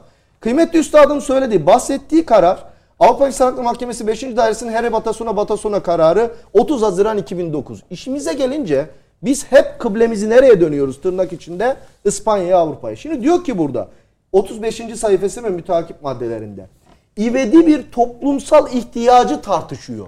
Ve ne diyor? Bir İnsan Hakları Mahkemesi'nin kararında Yalnız ve sadece bir terör örgütüyle araya mesafe koymayı değil. Üstad doğru söyledi. Senin elinde metro mezunu mu var? Kaç metre bunun mesafesi? Telin etmemeyi. Şükür abi. Kınamamayı. Terör örgütü olarak telakki etmemeyi dahi. Bunu Türkiye'de hangi siyasi parti yapıyorsa yapsın. Açık ve net bir biçimde bir kapatma icbarıyla karşı karşıya bırakıyor. Ve bunu da e, 11. madde ve 10. madde bizim ifade özgürlüğü olarak telakki ettiğimiz Freedom of Speech, Freedom of Declaration ve dernek ve siyasi parti kurma özgürlüğüyle hiçbir şekilde çelişmediğine araya vaziyet ediyor. Buyurun üstad. Ee, Anayasa Mahkemesi'nin karar şey İspanya Anayasa Mahkemesi'nin karar verirken son cümlesi diyor ki terörizmi destekleyen ve onaylayan bir parti başkalarının temel haklarını ihlal etmek için anayasanın tanıdığı geniş faaliyet alan- alanından yararlanamaz. Nokta. Anladım. Şimdi Peki tamam bunları biliyoruz. Devam Bunları edelim ama. Bunları anlatan- bak konuşan şöyle, yok Mutlaka Cüneyt Bey. şunu söyleyeceğim. Peki tamam tüm bu anlattıkları mesela Anayasa Mahkemesi neden blok? işte Ben- devam et ama tam Anladım. oradayım bak. Tam- ya Orada- kimse orada anlamıyor. Birkaç cümle söyleyeceğim. Bak, müsaade. Neden kimse blok? anlamıyor. Tüm Bak. bunlar belli. Biz diyelim. hukukçuları anlamıyoruz. Bizim 85 milyonumuzu bir anlatalım. 5 Ocak tarihinde kıymetli 15 tane yüksek yargıç bir araya geliyor. Diyor ki bakın okuyorum. Davalı partiye ödenen bu deprem felaketinde Mehmet abi bu sel felaketinde 539 milyon 355 bin Türk lirası 60 milyon TL. Devlet yardımının bulunduğu banka hesabına derhal ve tedbiren bloke konulmasına. Şimdi 5 Ocak'ta verdim bu kararı 8'e 7. Tamam. Geldin 9 Mart'ta ne değişti? Şimdi gerekçe okuyorum. Davalı siyasi partinin sözlü savunmasının alındığı ve tedbir talebini yeniden değerlendirdi. Ya Siz arkadaş hukukçusunuz sorayım o zaman. ne Arkadaş, değişti? arkadaş ne yaptı? Halkların Demokrati Partisi bugün Yargıtay iddianamesine konu eylem ve işlemlerini terk etti. PKK'yı partiye karkeren Kürdistan olarak Kürdistan İşçi Partisi olarak telakki etti de terörle Kandilli olan arasına mesafe koydu da açıkça telin kıradı da döndü şehitlerimizden on binlerce şehitlerimizden özür diledi. Ay Yıldız'la Al Bayrağın gidip karşısında tırnak içinde biat etti ve anayasanın ilk üç maddesi benim de tartışmaz kırmızı çizgim mi dedi. Sen geldin bu kararını bizlerin gözünün içine baka baka dedin ki biz bu ara kararını yeniden değerlendirdik. Biz yanlış yapmışız. Arada peki savunmalar veriliyor mu? Anayasa savunmalar- verilen ya savunmalar- verilmiş. Nasıl bir savunma verdi? Biz Ne dedi? bilmiyoruz. İşte bil- Bakın ne dedi? Ne dedi de bu çok önemli hukuki hatasından Hmm. 15 tane yüksek yargıç döndü. Ben özür dileyeceğim. Çıkacağım diyeceğim ki ya biz hukuku yanlış öğrenmişiz. Yargıtay Cumhuriyet Başsavcısının 570 sayfadan ibaret iddianamesini yanlış okumuşuz. İnsan Hakları Avrupa Mahkemesi kararını yanlış okumuşuz. Sen çok haklıymışsın 5 Ocak'ta verdiğin kararı 9 Mart'ta tebdil ederken. Bunu bu mahkemenin yüce Türk milletine açıklaması lazım. Yani Kimse- aciliyet kes, kesbeden yeni durum ne ya? Nedir? Bunun cevabı yok. Bu konuda bir gerekçeli karar yazma lüzumu dahi yok. 8'e 7 ve kararıyla veriliyor ve bakın daha önceden biz hep bunu yayınlarda söyledik. Arkadaş kapatmayacaksan kapatma baş göz üstüne. Kapatacaksan kapat. Blokaj koyup tedbir koyup siyasi yasak getireceksen ilgililer hakkında koy. Ama kararını ver. Sen AK Parti söz konusu olduğu zaman 4,5 ayda bu kararını veriyorsun. Orada neydi? Toplam bir tane. ne kadar oldu süreç? İki yıl. İki yıl değil mi? Mart 2021. İddianamenin iadesinden sonra kabul edilen iddianame Haziran 2021. Geldik. Mart, Nisan, Mayıs seçim geldi beyefendi. Bakın tehlike şu. Eğer bir ip- kapatma kararı verirseniz liste bakın burada ya Yüksek Seçim Kurulu. Biz hikaye boş konuşmuyoruz. Avukat Cem Kayarzan belgelerle gelir. Burada ne yapacaksın? Peki siz e, şöyle bir ilk bölümü bitirmeden önce bir 7-8 dakika var. Coşkun Evet. Başbuğ'a döneceğim. Hukukçu olarak Anayasa Mahkemesi'nin hani eline gelen savunmaları falan görme imkanı Ne dedi ya bir daha söylüyorum. Bakın bu şimdi bu yargılamalar gizli. Tamam. Bu yargılamaları eğer paylaşmadıkları Ama Anayasa müddetçe- Mahkemesi bir gerekçeli şey Yok yazmıyor. Yazmakla mükellef değil. Ben de orta He, zekalı bir hukukçu anladım. olarak soruyorum. Tıpkı koyduğunda yazmadığı gibi. Ya ne söyledi? Biz neyi göremedik? Biz bu HDP'nin bilhassa Şundan dolayı iki ben gün önce, kaldırdım iki gün önce Sezai? Temelli Almanya'da ne dedi? Gene aynı bölücülük faaliyetlerinden bahsetti. Gene Türkiye'nin üniter yapısını bozmaktan bahsetti. Yine devletin milletiyle bölünmez bütününe yine Riyaseti Cumhurbaşkanlığı Sezai temelli de Kürt değil Türk yani. Hani Bu da, herkes bu da bu da nedir? 103. madde açıkça şunu ifade ediyor siyasi partiler kanunu. Bir siyasi partinin üst yönetimi, milletvekilleri, teşkilatları, örgütleri, tüm kuruluş ve kuruluşları artık tartışmaz bir biçimde Çok önemli bir bilgi notu geldi. Buyurun canım abim. Buyurun. Urfa. Yani Alalım o hukukçu bilgi olarak notunu, e, sonra- kimin gönderdiğini tabii ki Öyle mi? söylemem Peki, mümkün komutanıma değil. döneyim. Şey şu, bilgi notu şu. Evet.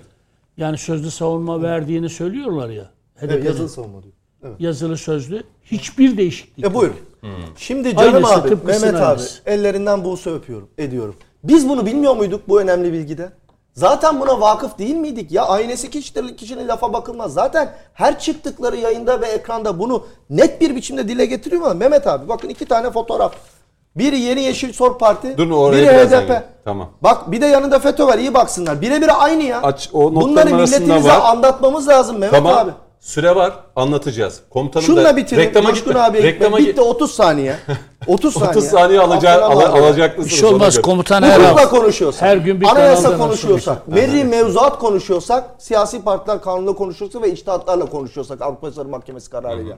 Bu kararın evvel emirde verilmesi lazım ki milletimiz gönül rahatlığıyla gidip o vicdanıyla, aklıyla, hukuki iradesiyle reyini verebilirsin nokta. Peki. Ben bu, bu bahisle ilgili birkaç şey söylemek isterim. İsterseniz Coşkun Bey'den sonra da söyleyebilirim. Reklamdan sonra, reklama gidene kadar genellikle adet e, bizde Peki, konuşmak lazım da komutanıma sözü veririz, reklama gideriz. Peki ben Komutanım de, buyurun ben usule, şöyle. usule uyuyayım o zaman. Şimdi e, Hep sıvacı biziz en son. Mesela şöyle bir şey mi düşünmemiz isteniyor ya da ya Anayasa Bir şey Mahkemesi de. kararı ne zaman vereceğini elbette yüksek mahkeme belirleyeceği gün itibariyle kararı verecektir. Ama seçim sonrası e, mı artık bu karar alınacak, seçim öncesi mi? İster istemez öncesinde de sonrasında da karar alsa e, her türlü tartışılacak. Yani kapatma kararı da Seçim alsa öncesi asla olmaz zaten. Bitti seçim o. değil mi? O bitti. Tabii, Kesin, o- yüzde o süreç bitti. Tam onu söyleyecektim. Yani bu blokenin de kaldırılması bir anlamda seçim öncesinde HDP'nin e, davasının karar aşaması seçim sonrasına bırakılacak. Ama onu da yapamıyor işte. Mehmet abi tabii çok önemli bir öngörüyle söylüyor ama hukuken de 11 Nisan'dan sonra Mayıs'a kadar kapatman lazım. Komutanım ne der bakalım? 14 İleride komutanımızı seçim belki siyasette de görebiliriz. Çünkü hayırlı olsun diyelim Hayırlı olsun. arada. Evet. Estağfurullah. Ee, sanıyorum AK Parti İzmir milletvekili aday adaysınız. Yarından itibaren başvurunuz olacak diye İnşallah. Mehmet abi. Önümüzü açtın o konuda. Hayırlı, Hayırlı olsun. olsun. Hayırlı olsun. O kadar söyledik Allah söyledik sonunda. Bu e, ülkenin meclisine yakışırsın. İnşallah. AK Parti'ye de yakışırsın. O senin meclisine abi. Allah utandırmasın. Ee, biz kul olarak elimizden geleni yapacağız. Takdir Allah'ın.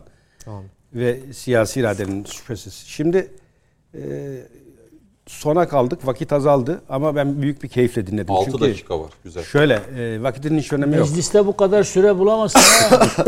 Bak Mecliste milletvekilleri bir dakika almak için 10 şey yapıyor. Lütfen. 5 dakika konuşmak için. Doğru, Sen şimdi haklısın 6 dakikayı çok görüyorsun. Yo ben çok görmüyorum. Sayın yani Atik buyurun. Meclise girdiğinde kıymetini bileceksin. Meclis başkanı Sayın müdahale Atik, ediyor abi. Cüne- Cüneyt'in Sayın sözüne, Metiner lütfen araya girmeyin. Aynen güzel.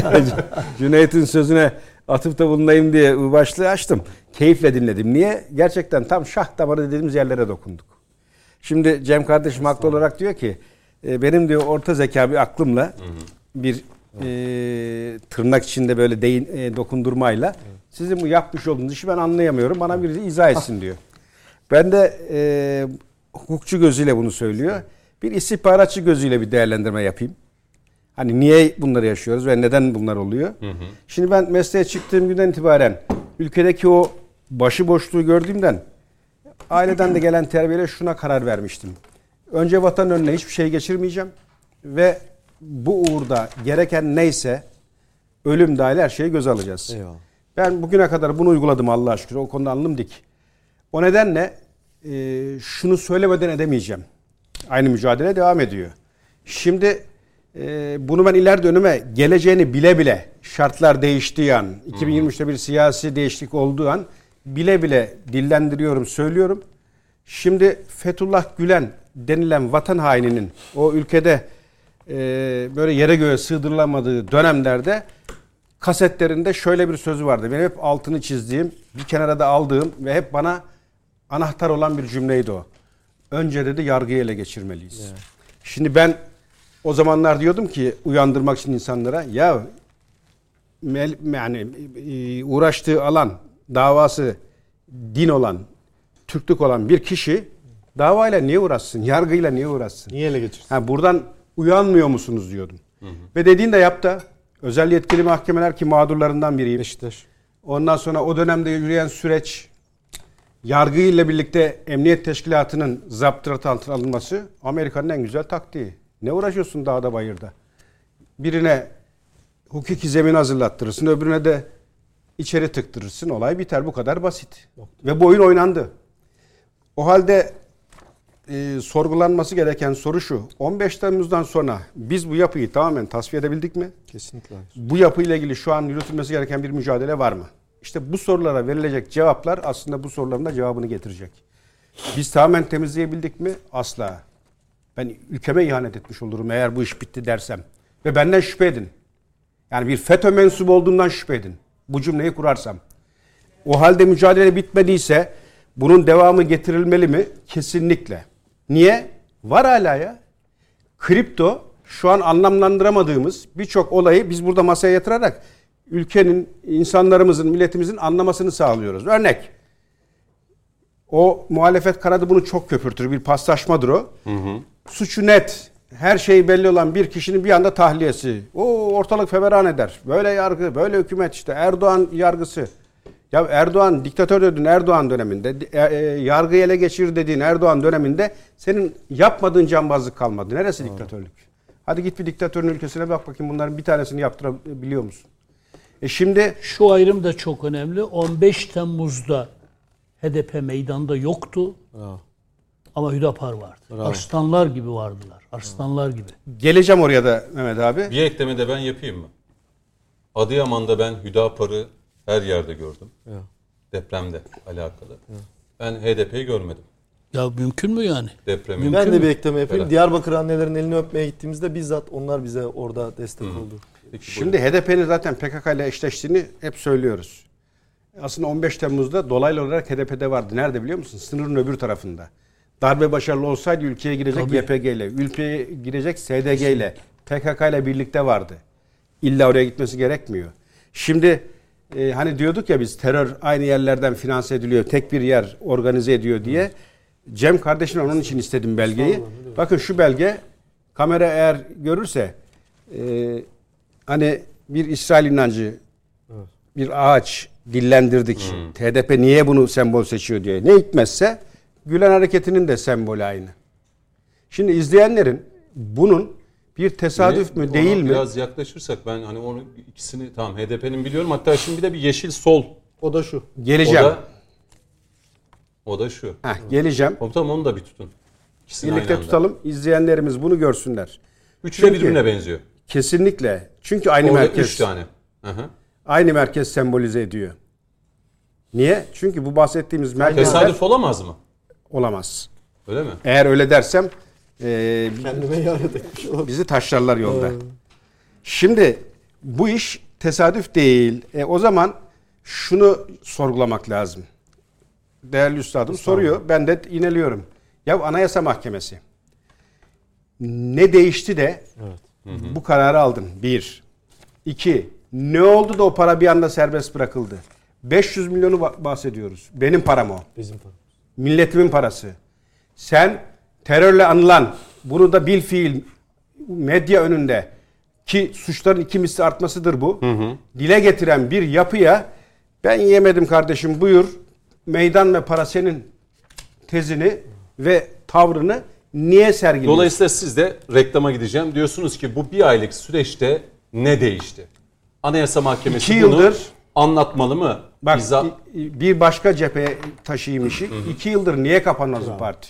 Şimdi bu partinin hani böyle çok bilinmezi de keşfetmiyorsun. Son Savcılar, soruşturmalar, yapıp reklama pas atın. istihbarat kaynakları. Burada çok net kamuoyu önünde, medya önünde işlenmiş suçlar var. Yani delile ihtiyacı yok. O kadar net bir dosya Niye bu kadar ki, uzun sürüyor? Hiç kimse sana bu konuda hesap da sormaz. Niye kapattın kardeşim diye. Batasuna e, kararıyla mukayese ettiğinizde yüzlerce, binlerce delil var. Doğru. Bu delillerle birlikte reklama gidelim. Bu delilleri insanlarımız takdir etsin. Çünkü kamuoyu önünde heykel dikenler, arkayı yaslayanlar, onunla birlikteyiz diyenler, hatta Kandil bu son cümleyle devredeyim. Müzik de iyi daha gidiyor. dün, daha dün Kandil diyor ki e, Millet İttifakı'na özde sözde gönülde biriz. Biz zaten sizi destekleriz diyor. Yani bu taklalarınıza gerek yok diye kim? Kandil'in yılanın başı söylüyor bunu. Peki. Anonsu da Reklama- ben- Peki. Reklamlara gidelim. Döneceğiz. Devam edeceğiz. Evet devam ediyoruz. Ee, Mehmet Metiner, Coşkun Başbuğ, Cem Kaya ve Bayram Karacan'la birlikte konuşmak lazıma. Ee, reklam dönüşü tekrar Sayın Başbuğ'la devam edeceğim. 3-4 dakika daha size süre vereyim Sayın Başbuğ. Şimdi ya, Tamamlamanız adına. Hani mevcut statüyü şöyle bir çizmeye çalıştık. Neler oluyor ve neden oluyor? Şimdi buna baktığın takdirde hani en üst yargılama kurumu Anayasa Mahkemesi'nde hani o sayıca belli miktarda olan yapıdan beklediğin şu. Ülkemi, devletimi, milletimi koruyacak ve kollayacak kararlar almak. E şimdi yoldan herhangi birine sorsanız HDP'nin bir siyasi parti olmadığını artık net söyler.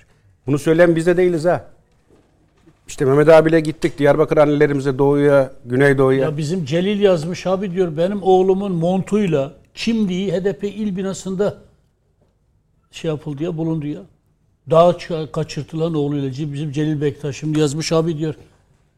Ya be- niye gündeme Ya getirmiyorsunuz? beraber gittik. Diyarbakır'da il binası denilen yerin aslında gizli girişinin olduğu. Askeri alma şubesi gibi yani. He, orada koğuşlar ihdas edildiği, orada eğitimler verildiği sözde, orada beyinler yıkandı ve oradan Kandil'e eleman devşirildiğini. Oranın halkı söylüyor ben değil. Şimdi bununla birlikte Ya delil aramaya gerek yok ki Kandil'indekiler diyor ki zaten HDP olarak biz Millet İttifakı'nı destekliyoruz.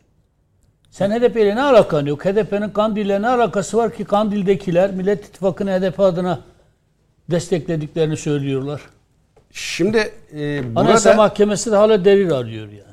FETÖ mahkemelerinde yargılanmış biri olarak bize hep şu masal anlatıldı. Daha doğrusu kamuoyuna. Ya o kadar çok e, şey karışık bir girift dava ki anca çözüyoruz. Geceyi gündüze katıyoruz.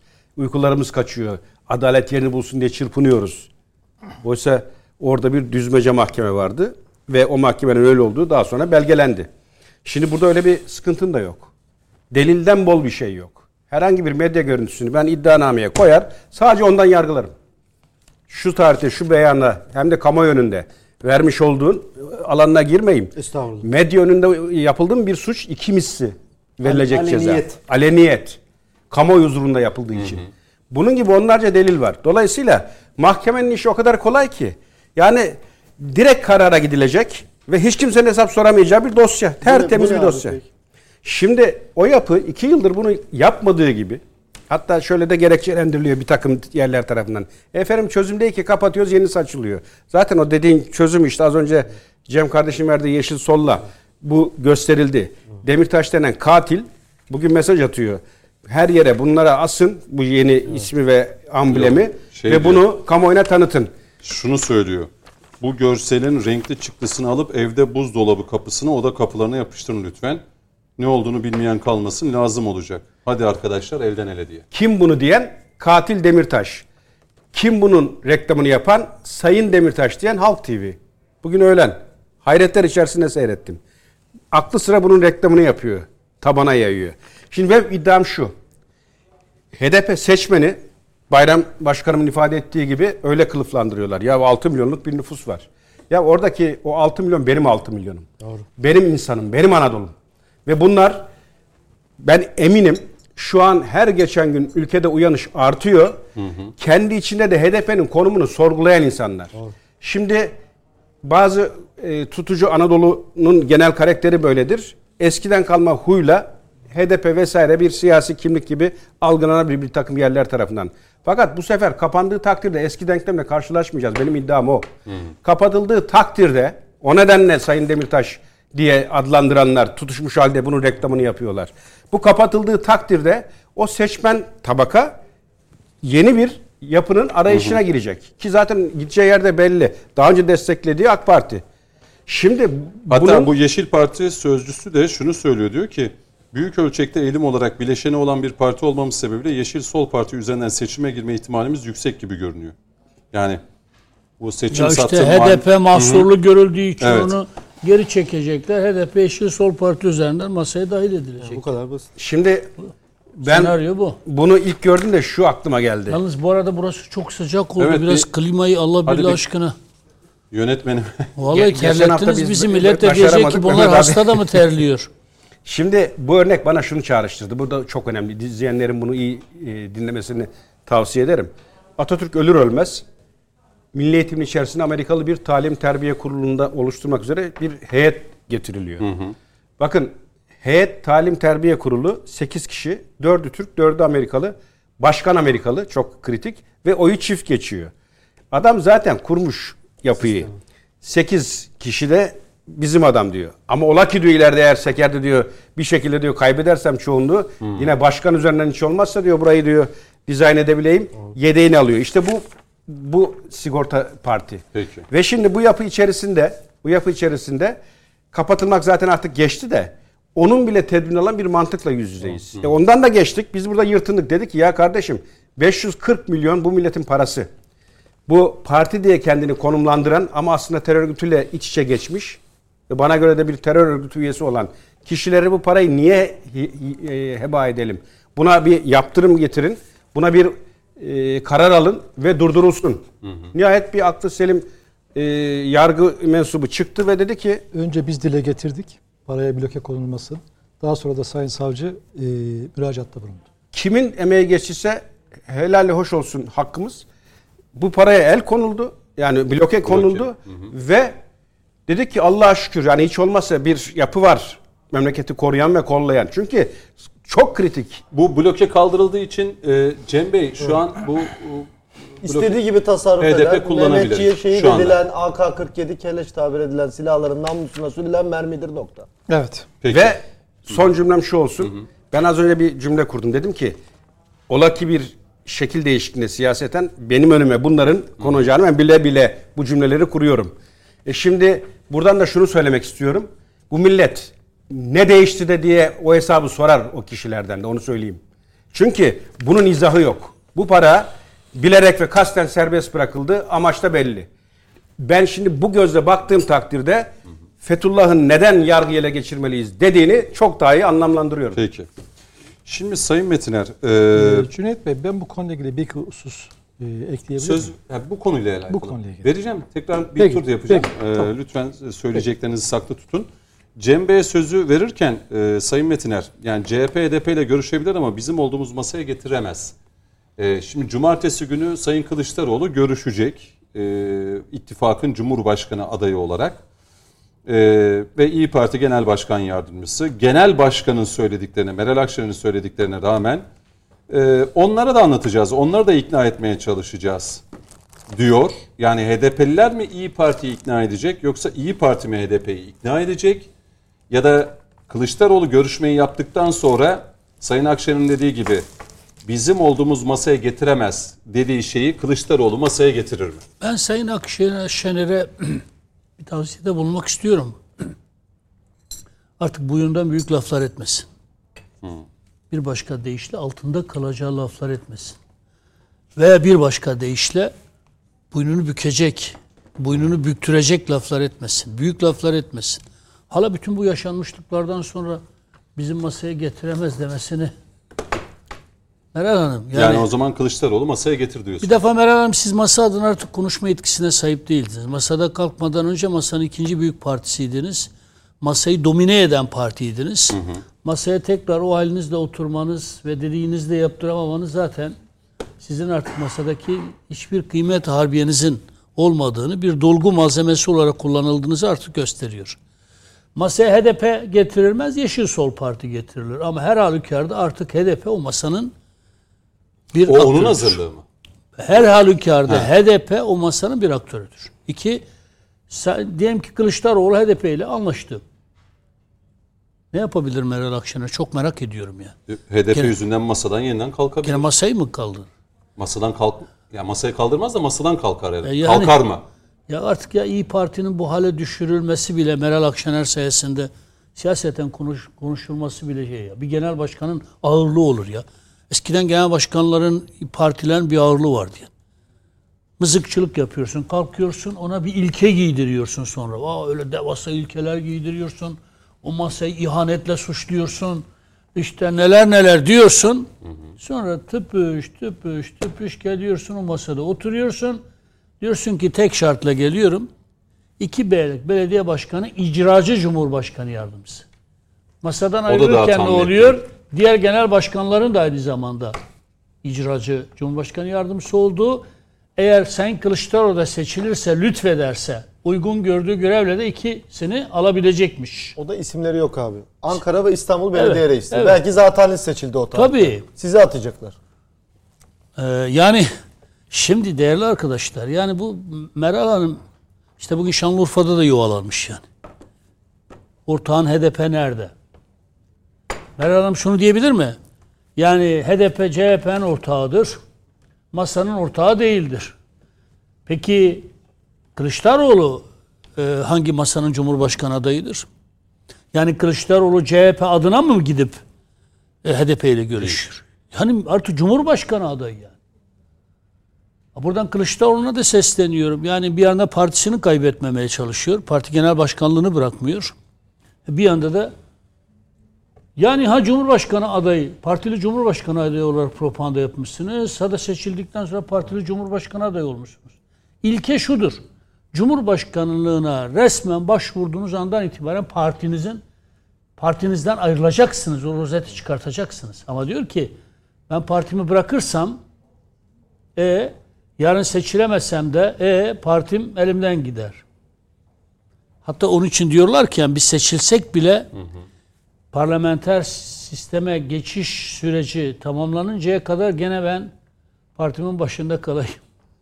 Ya böyle bir de Hatta belediye başkanları için de aynı şey düşünülüyor. onun için onun Hem için belediye başkanlığı hem cumhurbaşkanlığı yardımcısı. yani HDP artık Onlar bu, burada yok. Yanlış Evet. bir şey tartışıyoruz yani. Yani HDP bu parti bu masanın bir ortağıdır.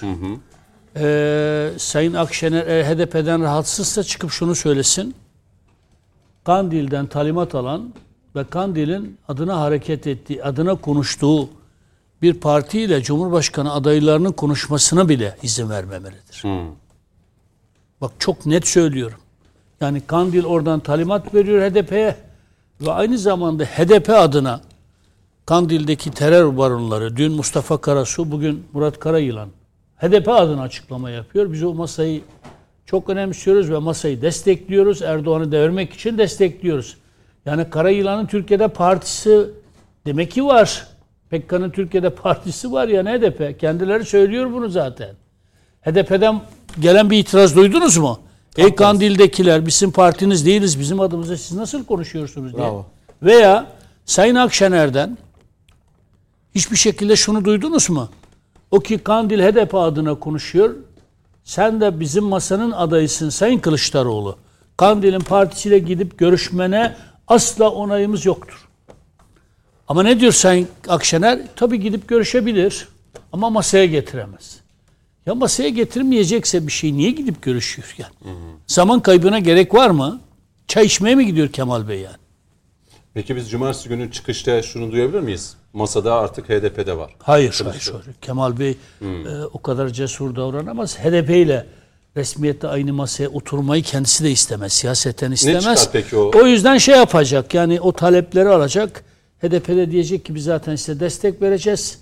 Ama biz de şunun farkındayız. Masada bu şekilde almamız yani Erdoğan cephesine katkı sağlar. Siyaseten sizi de zorar. Biz Erdoğan'ı devirecek ittifakı önemsiyoruz. Bizden dolayı bu ittifakın bozulmasından yana değiliz. Biz bunu Yeşil Sol Parti ve de başka bir kamuflajla çok rahatlıkla şey yapabiliriz diyebilir. Ya başka seçenekler gündeme gelebilir. El altından HDP o masanın e, belirleyici aktörlerinden biri olur. Şu soruyu da cevaplamanızı istiyorum. Sonra Bayram Bey'e döneceğim. Ee, ilk turdayken e, hatırlatmıştım zaten. Ee, Hüdapar'la alakalı mesela CHP e, ve muhalefet e, kanadında e, AK Parti ve Cumhur İttifakı'na yönelik Hüdapar'ı nasıl hazmedeceksiniz, hazmedebilecek misiniz? Mesela Barış Arkadaş öyle bir tweet atmıştı. Aslında Barış Arkadaş gibi pek çok isim e, Cumhur İttifakı'na bu soruyu soruyor. Peki ben ben şunu diyelim ki bugün PKK silah bıraksa, temelli bıraksa ve PKK'nın partisi olan HDP'de demokratik, yasal çerçevede siyaset yaptığını açıklasa buna karşı mı, karşı mı çıkacağız yani? İlla da HDP PKK'nın geçmişte Biz yapıp bunu ettiklerine, defalarca açıkladık bu şekilde. terör eylemselliklerine göndeme bulunarak bir partiyi sistemin dışına mı çıkartacağız yani? Hüdapar'ı geçmişi üzerinden eleştirenler eleştiriyi hak etmiyor mu? Hak ediyor. Kendileri de öz eleştirilerini zaten vermişler. Hüdapar'ın ne olduğunu bilmeyenler boş boş konuşuyorlar yani. Kendi özgeçmişlerini vermişler. Yani Hüdapar PKK ile savaşmış, savaştırılmış, içine başka unsurların da girmesiyle, çok iyi niyetlerle, nefis müdafası yapayım derken, yani devletin o zaman sızmaması mümkün değil. Her örgüte sızar yani. Ama PKK bölgede hakimiyet kurmak isterken Hüdapar'da o zaman adı ilim kitabı ve çevresi olarak bilinen bir grupta biz size tabi olmayız. Biz size rağmen de bölgede faaliyetlerimizi sürdürürüüz demişlerdir ve PKK onları öldürmeye kalkışmıştır. Derken onlar cevap vermişlerdir. Böyle iki örgüt arasında. Bir tek Gafar Okan olayı çok şeydir. e, Allah rahmet eylesin. o olayda o olayda e, ki rolü konusunda onu çok ayrıntıya girmek istemem. Eğer orada bir parmağı varsa tabii ki o affedilebilir bir şey değildir. Tetiği çeken unsurlar onlar olsa bile o istihbaratı sağlayan devlet içinde başka hangi unsurlar vardır? Çok karanlık bir dönemin karanlık bir eylemidir. Bilalcio'ya gideceksin Mehmet abi. Evet. Şimdi burada burada Gaffar Okan olayının dışında şu eleştirilebilir. Hani kendileri ellerine silah alıp PKK'yı yok etmeye, devletle savaşım halinde şeriat devleti getiriyoruz. Ey ümmeti Muhammed ayaklandık, isyan ediyoruz. Silahlanıp PKK gibi asker polis öldürse yıllar yılı bir terör örgütü ve hali hazırda da gene aynı bir terör örgütünün partisi olarak faaliyet gösterse Zaten Cumhur İttifakı, Sayın Cumhurbaşkanımız başta olmak üzere öyle bir partinin suratına bakmaz.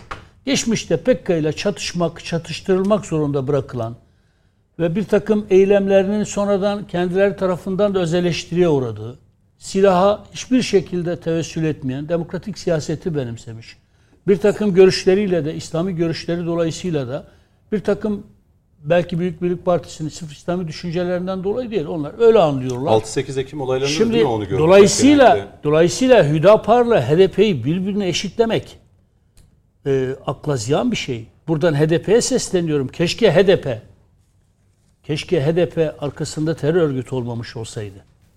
Buradan PKK'ya sesleniyorum. Kandil'dekilere silah zoruyla niye Kürt halkının iradesine ipotek koyuyorsunuz? Hani demokrasi istiyorsunuz? Çekin aramızdan silahları. Ben Demokrasi ve Birlik Derneği'nin genel başkanı olarak, bu ülkenin bir Kürdü olarak defalarca Kandil'dekilere çağrıda bulundum. Yüreğiniz yetiyorsa fikirlerinizle çıkın karşımıza.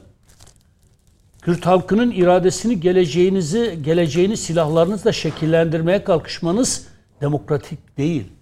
Kandil'deki sağ terör baronları biz demokrasi getireceğiz diyorlar. Hangi demokrasiyi getireceksiniz ya? İrade onlarda da değil zaten. yani. Tabii irade de onlarda değil. O ayrı bir şey. Yani keşke PKK silahlarını ebediyen toprağa gömse. Ve keşke HDP arkasına hiçbir silahlı terör örgütünü almadan sadece ve yalnızca siyaset yoluyla hareket etse hangi birimiz bu HDP'nin kapatılmasını e, savunuruz ki yani?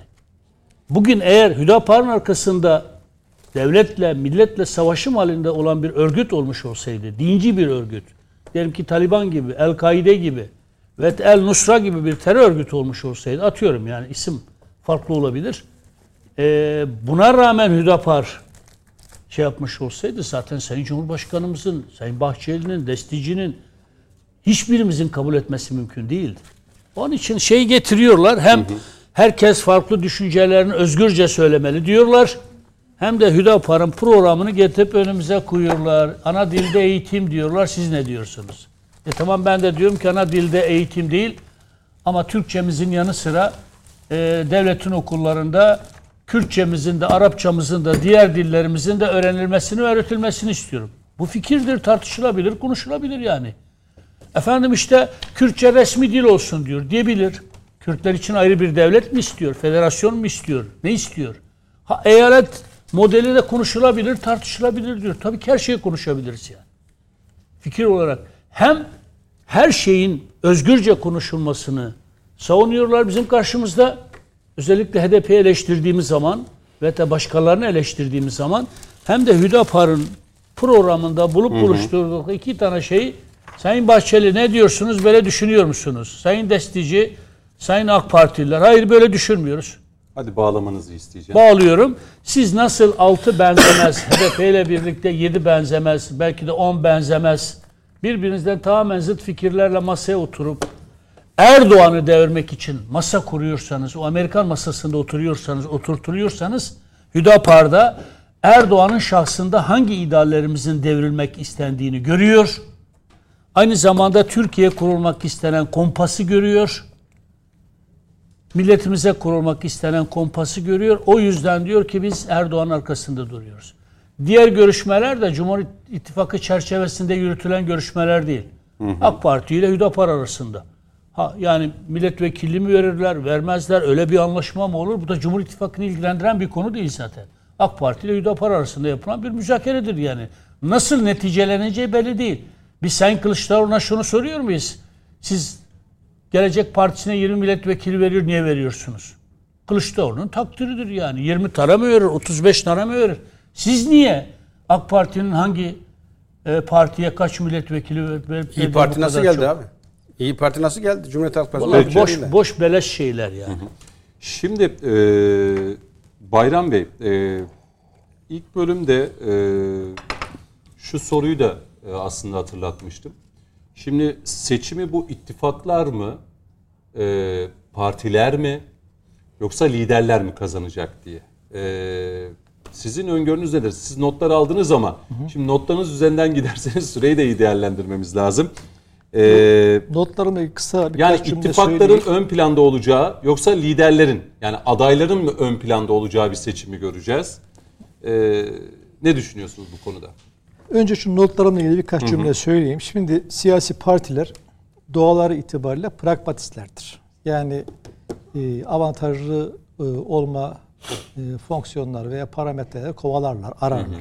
Fakat burada e, tek e, kırmızı çizgi şudur. İşte vatanın e, bölünmezliği, milletin birlik ve beraberliğidir. Aslında böyle olması gerekir. Devletin tekliği, Devletin milletin tekliği. birliği. Yani onun haricinde siyasi partiler elbette her türlü görüşmeleri yapabilirler. Fakat biz şimdi bu HDP konusunda siyasi partileri çok eleştiriyoruz. Ee, bizim duruşumuz öteden beri belli. Fakat burada asıl eleştirmemiz gereken de aslında hukukçular. Çünkü siyasi partiler biraz önce dediğim gibi siyasi gerekçelerle, siyasi sahiplerle farklı tutum ve davranış içerisinde olabilirler. Ama hukukçular nesnel e, hukuk kurallarına göre karar vermeleri gerekir. Objektif kurallara göre karar vermeleri gerekir. Dolayısıyla kanunlarımızda ne yazıyorsa e, o kanunlardaki hükümlere göre olayı tahkik ederler, e, durumu tahkik ederler ve karar verirler. Ama şimdi şöyle bir tabloyla karşı karşıyayız. Biz siyasiler olarak meseleyi anlıyoruz. Bununla ilgili düşüncelerimizi, fikirlerimizi açıklıyoruz. Ee, bir nevi aslında bununla ilgili bir hüküm ortaya koyuyoruz. Yani hukukçuların yapması gerektiği şeyleri biz ifade ediyoruz, söylüyoruz. Hukukçular da siyaset yapıyorlar. Yani aslında onlar daha nesnel bir şekilde e, davranmaları gerekiyor, objektif davranmaları gerekiyor, hukukun kurallarına davranmaları gerekiyor.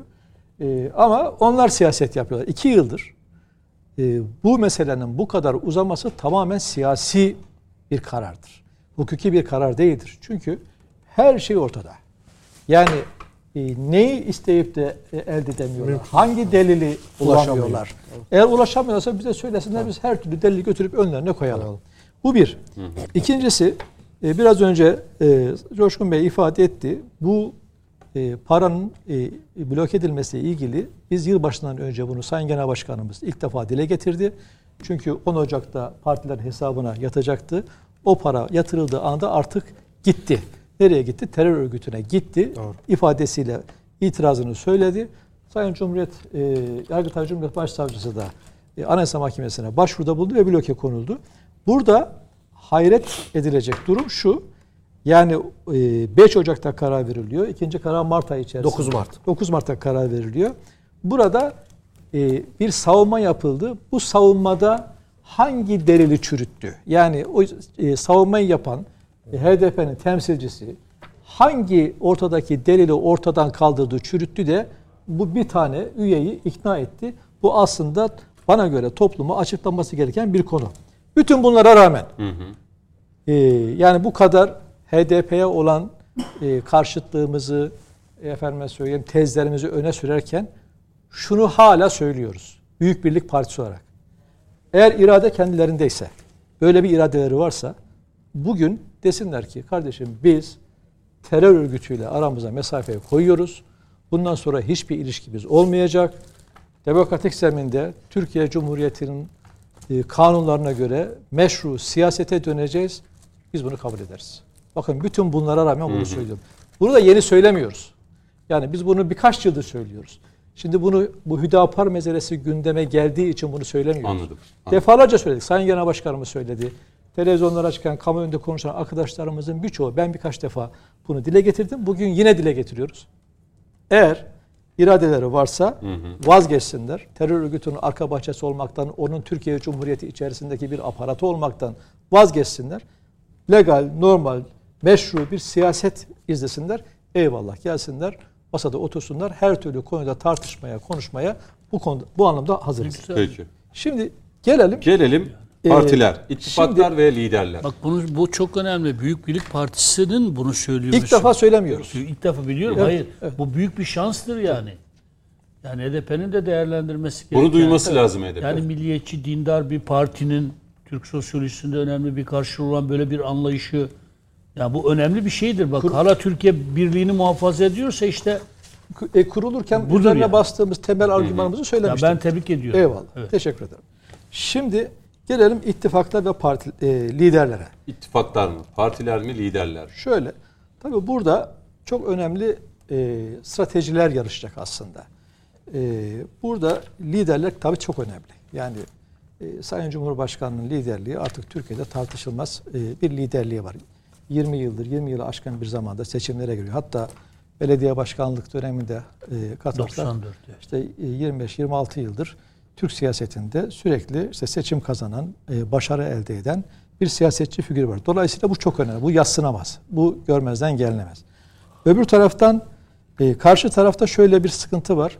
E, Sayın Meral Akşener'in de masadan kalkmasının en büyük argümanı bana göre buydu. Sürekli kazanan bir lider e, olması, kazanan bir aday olması Kazanacak. argümanıyla, kazanacak Evet. bir aday olması argümanıyla sürekli masada daha doğrusu e, siyasetini şekillendirmişti.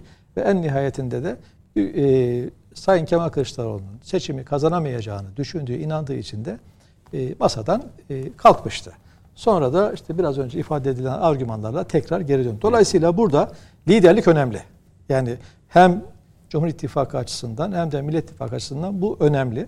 Ama e, Millet İttifakı'nın geçtiğimiz süreçteki yaşadığı e, o türbülans e, sebebiyle kendi tezlerinden hareketle söylüyorum. Yara almış olduklarını söyleyebiliriz. Öbür taraftan e, tabii e, her ne kadar Mesela e, de, e, deprem felaketini yaşamışken e, bu altılı masanın, Millet İttifakı'nın bu işte yani hatırlayalım bugün AK Parti grup toplantısında Sayın Cumhurbaşkanı çok güzel bir şey videoyu da paylaştı. Yani kişisel çıkarlar, şahsi menfaatler, kirli pazarlıklar, noter masası, kumar masası. Yani o, o- çok da güzel bir görsel hazırlanmış. Yani ben e, tebrik edeyim hani kim hazırlamışsa onu. E, seçmen bunu göz ardı eder mi yoksa seçmen bunların hepsini gördü ve not etti mi? Bakın şöyle. Şimdi Çünkü aslında e, muhalefet şey düşünüyor bak deprem de oldu. Ekonomide bu durumda e, bakıyorum e, garip garip e, araştırma şirketlerinin e, anketleri paylaşılıyor. Yüzde 60'a yüzde 60'a yüzde 40 bu işi Millet İttifakı Kılıçdaroğlu bitirdi diye e, bir e, atmosfer oluşturmaya çalışanlar var. Şimdi Millet İttifakı'nın bir araya gelmesindeki en önemli konsantrasyon e, parametresi ne? Erdoğan. Ee, Karşıtı. yani şöyle işte sistemi değiştireceğiz, güçlendirilmiş parlamenter sisteme geçeceğiz. Bunu da tam olarak açıklayamadılar. Ee, işte bir bakıma yarı başkanlık sistemine benzeyen bir şeyler konuşuyorlar. Bir bakıma eski sistemi andıran bir şeyler konuşuyorlar. Bakın şurada ben çıkardım. 1946'da ilk defa çok partili rejime geçmişiz. 1961 yılından 1999 yılına kadar, daha doğrusu 2002 seçimler öncesine kadar 20 tane koalisyon hükümeti. Yani mesela bir hükümetin ömrünü 5 yıldan hesap etseniz 100 yıl olması gerekiyor.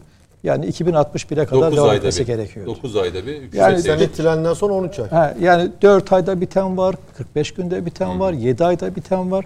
Dolayısıyla şimdi aslında benzer bir şeyi kazanma ihtimalleri yok. Ama varsayım olarak söyleyeyim. Diyelim ki kazandılar. Benzer şey gene yaşanacak. Neden? Çünkü e, işte şimdi bir örnek veriyorum. İşte bir cumhurbaşkanı var. Cumhurbaşkanının altında 7 tane icracı.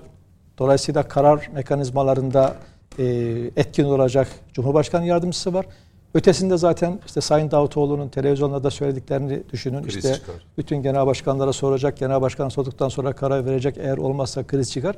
Bu ne demektir? Bu dönemi çağrıştırıyor. Aslında biz Cumhurbaşkanlığı hükümet sistemine niye geçtik? Cumhurbaşkanlığı hükümet sistemine Hızlı karar alma. hızlı karar alınsın, ülkede istikrar olsun, ikide bir hükümetler değişmesin. Şimdi şöyle düşünün, 4 ay sürmüş hükümet, bir bakan koltuğuna oturup şöyle koltuğunu ısıtmaya kalkıncaya kadar tekrar koltuğuna kalkmak zorunda kalıyor. Bu şekilde bırakın devlet yönetmeyi, yani bakkal yönetemezsiniz, şirket yönetemezsiniz. Dolayısıyla biz bundan kurtulmak için bu sisteme geçtik. Şimdi gelelim ilk sorunuzun ikinci kısmına. Çok kısa 2 dakika Li- lider, liderler kısmında e, Cumhur İttifakı'nın ve Millet İttifakı fakat aynı zamanda şey çok önemli. Yani meclisteki Meclisteki aritmetik çok önemli. Burada da ciddi manada stratejilerin ortaya konulması gerekiyor. Yani şimdi Şu, o zaman şu soruyu sorayım. Cumhur İttifakı 360'ın üzerinde toplamda milletvekili çıkaracak mı? yani şöyle Büyük Birlik Partisi'nin de ben biliyorum kendi logosuyla ve e, seçime girecek. Şimdi burada işte strateji devreye giriyor. Aslında bunun e, teknik olarak incelenmesi gerekiyor. Özellikle ciddi anket sonuçları masanın üzerine yatırılması gerekiyor. Hangi şartlarda bunu büyük bir ihtimalle Millet, Millet İttifakı da yapacaktır. Hangi şartlarda milletvekilliği çoğunluğu sağlanıyorsa ona göre bir formü üretilmesi gerekiyor. Bu riske atılacak bir durum değil. Yani diyelim ki Cumhurbaşkanlığını kazandınız, meclis çoğunluğunu kaybettiniz. Başka e, krizler, başka örgüt. parametreler ortaya çıkacak. Dolayısıyla Yayınlar. burada e, yani e, Cumhur İttifakı'nın Aslında bu seçimde ittifaklar da ayrı bir önem, partiler de ayrı bir önem. Kesinlikle Ama ve çok ciddi strateji yapılması gerekiyor. Bu seçimin diğer seçimlerden fark olarak şu zaman çok kısa. Ee, bu tür e, ar- simülasyonları yapıp bunlarla ilgili danışmak, konuşmak, karar verme süreçleri çok kısaldı. E, bununla e, dolayısıyla bir handikap da yaşanabilir. E, şöyle ifade edeyim. Mesela biz Büyük Birlik Partisi olarak bir yıldan beridir e, şunu seslendiriyoruz. Kendi isim ve amblemimizle e, Seçime. seçime gireceğiz.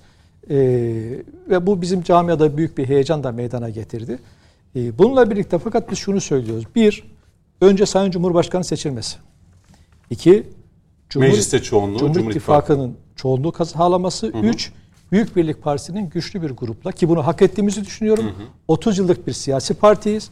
30 yıldır devletin hazinesinden bir kuruş para almadan siyaset yapıyoruz ülkenin, devletin, milletin karşı karşıya kaldığı bir sürü badirelerde e, izlemiş olduğumuz siyasetle almış olduğumuz tavırla çok önemli katkılarda bulunduk. 28 Şubat'ından işte 15 Temmuz'undan Yani işte ittifaka dahil olmadan mı tek başınıza gireceksiniz? ittifakın Geçen hafta ben içerisinde Sayın Genel Başkan'la Mustafa Destici ile konuştuğumda Hayır şöyle e, Sayın iddialı olduğunu da aslında, söyledi. Yani e, Sayın Metin'e çok güzel bir noktaya e, temas etti. Bunu burada açıklayayım ki sayın seçmenlerimiz de bunu duysunlar. Bir parti bir ittifakın içerisinde seçime girerse ki biz öyle yapacağız. Cumhur İttifakı'nın Evet, çatısı altında kendi isim ve hamlemize gireceğiz. O ittifakın toplam oyu %7'yi geçince o Doğal ittifak, olarak- o partide Evet. %7 şey yani barajı örnek geçmiş bir oluyor. ilde Büyük Birlik Partisi %7'yi Bu- aştığı anda Evet, e, oy sayısı da tutuyorsa oradan milletvekili çıkarabilecek. Fakat buna rağmen şunu söyleyeceğim. Tekrar ifade edeyim inşallah anlaşılır de- demek istediğim. Bir, birinci önceliğimiz Cumhurbaşkanı seçilmesi. Peki. İkincisi mecliste aritmetik olarak çoğunluğun sağlanması. Üçüncü de Büyük Birlik Partisi'nin güçlü bir grupla Peki. Türkiye Büyük Millet Meclisi'nde temsil edilmesi. Peki. Şimdi Cem Bey'e aynı şeyi sorayım. Yani e, tabii biz burada ittifaklar, liderler e, ve partiler üzerinden gidiyoruz ama bir de seçmenin beklentisi. Yani yaşadığımız şu pandemiden beri çok da dünya da sağlıklı bir süreçten geçmiyor. Amerika'da bankalar batıyor patır patır. Yani e, bunu da hatırlatalım. E, seçmenin bu süreçte beklentisi ne olacak? Yani seçmen e, deprem bölgesindeki vatandaşın zaten durumu belli Cem Bey. E, böyle bir genel bir değerlendirme yapmanızı istiyorum. Siz de düşünüyor musunuz nacizane yani Bayram Bey gibi? Vatandaş ve seçmen gözüyle bakayım. Belirsizlik istemez. Her şeyden önce biz e, Türk milletleri tarihte 16 kez kurduğumuz devletler yıkılmış. 17.sine sahip çıkamazsak maalesef o da tehlikeye düşer. Liderlik bizim için çok önemli bir haslet. Şimdi şunu çıkardım. Sayın Erdoğan'la Kılıçdaroğlu'nun 2010'dan bu yana bir kazanacak kazanılmayacak aday sekansını anlamak açısından. Evet. 2010 referandumunda 58'e 42 bitiyor. Sayın Erdoğan'la Kılıçdaroğlu. 2011'de 49'a 9'a 25. 2014 yerel seçimde 43'e 26. 2014 reisi cumhur seçiminde 52'ye 38. 2015 7 Haziran genel seçimlerinde 41'e 24. 2015'te 49.5'a 25. 2017 referandumda 51'e 48. 2018 genel seçimlerinde 42'ye 22. Kazanacak aday dedikleri Kılıçdaroğlu hep kaybetmiş. 9 kere kaybetmiş. Rahmetli Demirel'in dediği gibi. Ama şimdi dostlarıyla birlikte. Şimdi anlatayım. 7 kere gitmiş, 8 kere gelmiş. Şimdi liderler önemli. Siz bir nihayetinde kumandanlık vazifesini yerine getirecekseniz karizmatik lider derdi buna rahmetli e, Mümtaz Soysal. Yani Tanrı vergisi karizmatik. Allah vergisi, Tanrı vergisi. Bu sizin doğanızda olacak ve lider maalesef sonunda o olunmuyor. Fırtınızda olacak. Yürüyüşünüzde, hitabetinizde, konuşmanın başında ne güzel söyledi. Reis Cumhur'dan yana bizim en ufak bir sıkıntımız yok.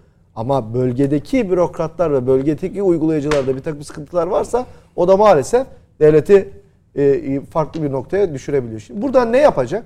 Öncelikle Reisi Cumhur'la parlamentoyu ayıracak seçmen. Bir kabine girecek. Sayın Cumhurbaşkanlığı e, seçiminde oy verecek. Orada ben inanın en ufak bir tereddüdüm yok. Bakın net söylüyorum. Daha dün e, farklı bir müvekkilim ya Hollanda'dan izlemiş. Ya dedi ki bir dedi Erdoğan'ı izledim. Bir de dedi Sayın Kılıçdaroğlu'nu izledim. Vallahi dedi farklı bir Yunanistan veya Amerika tezahüründe sizin ülkeyi işgal ederler dedi. Ben olsam buna oy vermem dedi. Yani bir duruşunuz bile farklı bir e, noktadır yani. Bunu 15 Temmuz'da gördük. Ben milletimi meydanlara davet ediyorum. Onlar da FETÖ'cüler gelsin tankıyla topuyla ölümüne Mesela diyen bir lider Sizin vardı. söylediğinizden şunu anlıyorum. 15 Temmuz Mührü aldı birisi. Diyelim ki muhalif bir Evet. seçmen. CHP'ye gönül vermiş. Evet. Parlamentoda CHP Evet, mührü bunu bulup söyleyeceğim. başkanlıkta Bunu söyleyeceğim. Erdoğan'a mı mührü Bunu olur? söyleyeceğim. Şimdi vicdan budur. 15 Temmuz'da Sayın Kılıçdaroğlu neredeydi? Duruşmalarına girdim ben o davaların. Hiç kim, kimse hikaye anlatmasın. Atatürk Havalimanı'nda iki tane ZPT zırhlı personel taşıyıcı çekildi. Bakırköy Belediye Başkanı'nın evine götürdüler. Ayağında terlikle elinde kahveyle poz verdiler. Darbe oluyor. Çıksana sen askerin önünde FETÖ'cü askerlerin, sözde askerlerin önünde dursana. O Fethullahçı üniforma giymiş hainleri. Duy. De ki ya biz Erdoğan'ı sevmiyoruz ama seçilmiş iktidara yapılan çünkü bu darbe kime yapıldı? CHP mi yapıldı? Farklı bir siyasi partiye mi yapıldı? İlk ışıklarını kim yaktı? Lider Devlet Bahçeli. Biz de seçilmiş iktidarın yanındayız. Zaten milado. Ve ne dedi? Ben namazımı kıldım, kefenimi giydim, geliyorum dedi. Nereye indi? Havalimanına indi. O noktada daha ne uçuyordu yukarıda? Kogur helikopter. Keskin nişancı sniper vardı. Biz Ataköy'den yürüdük oraya. Şimdi millet neye bakıyor? Bir tane adam var. Çıkıyor diyor ki ya ben bu sefer kazanacağım dostlarımla arkadaşımla. O adamı kim yönlendiriyor? Seçimden önce ziyarete nerelere gitmiş? Amerika'ya gitmiş. Tefeci Beşi çetelediği İngiltere'ye gitmiş. Sonra Almanya'ya gitmiş. Oradan bir destur icazet merasimini tamamlamış. Gelmiş masaya oturmuş demiş ki ya ben desturu aldım. Dolayısıyla ben icazeti aldım arkamda bunlar var. Okyanus ötesinde desteği var ben yürüyorum demiş. Peki aynı mantıkta diğer tarafına kimi koymuş millet? Tek devlet, tek millet, tek bayrak, tek vatan diyen bir riyaseti cumhur makamı var. Ve inan mazlum milletlerin coğrafyası. Ben katılıyorum Mehmet abiye. PAK partiyi kursun Tayyip Erdoğan. Yine minimum aynı oyu alır. Zaten sorun AK Parti'deki kadrolarla yaşadığımız parlamentoda hep biz bunu tartışıyoruz. Ya diyoruz ki reis cumhur alır ama işte o amayı dediğinden O zaman sarıyla, o seçim sarıyla e, çiziyorlar. perdeyi çektiği zaman seçmen girdiğinde bu HDP'li seçmen de olabilir. Bakın siz HDP parti olarak oy verip Siz şunu mu başkanlık seçimde mührü Erdoğan'a da vurabilir mi bu, diyorsunuz? Bu milletin. Bak bu HDP milletin- seçmenin Ya, önemli onu bir söylüyorum. kısmı en önemli kısmı müsaade Cumhurbaşkanlığında Erdoğan'a oy verecek. Çünkü şu an gözlerini Erdoğan'a dikmiş. Acaba ne diyecek? Çünkü millet masasında Kürtler yok. Şimdi O mutabakat metninde Kesin- Kürt yok, Kürtler yok. Erdoğan'ın ne diyeceğine odaklanmış. Erdoğan'ın bir sözü bile, bir jesti bile evet çok şey Ee, değişti. o- HDP o seçmeni. Şeyi değiştirecektir. Bunu özellikle hatırlatıyorum. Sahada da amalar var. Evet. Erdoğan'a koşulsuz bir şey var. Ama diyor. 3 Şimdi dönem, kesinlikle- 4 dönem, 5 dönemdir bizim istemediğimiz ama buna rağmen gösterilen şeyler tekrar listeye girerse Aynı de şey. ama da var. Bunu da bir söylemezsek kendi partimize ihanet etmiş. Aslında tam da muradım buydu. Şimdi biz şunu mu zannediyoruz ya Kandil'den birileri işaret edecek.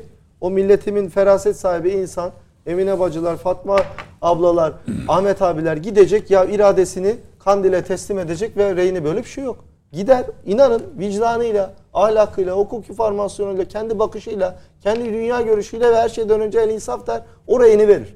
Ben burada inanın bir sıkıntı görüyorum. Yani Sayın Metre'nin söylediğinden şunu anlıyorum. Yüzde yüz katılıyorum. HDP seçmeni HDP yine oy verir meclise Aynen. git siyasetini Bakın- yap der ama ülke yer Bakın yönetecekse ben Diyarbakır Aynen. annelerinin daha Ben ona gittim. inanıyorum. anladım. Bin küsür gün önce gittim. O taşların önünde oturuyorlardı. Anlattılar. Belki e, biz Kürtçe bilmiyoruz. Onlar nacizane ifade edemediler kendileri. Ellerini öptük ve sevgi dilinde buluştuk. Ve hep şunu söylediler ya biz buradayız evlatlarımız için. Diyor ki bir tane annemiz. iki evladım evimde.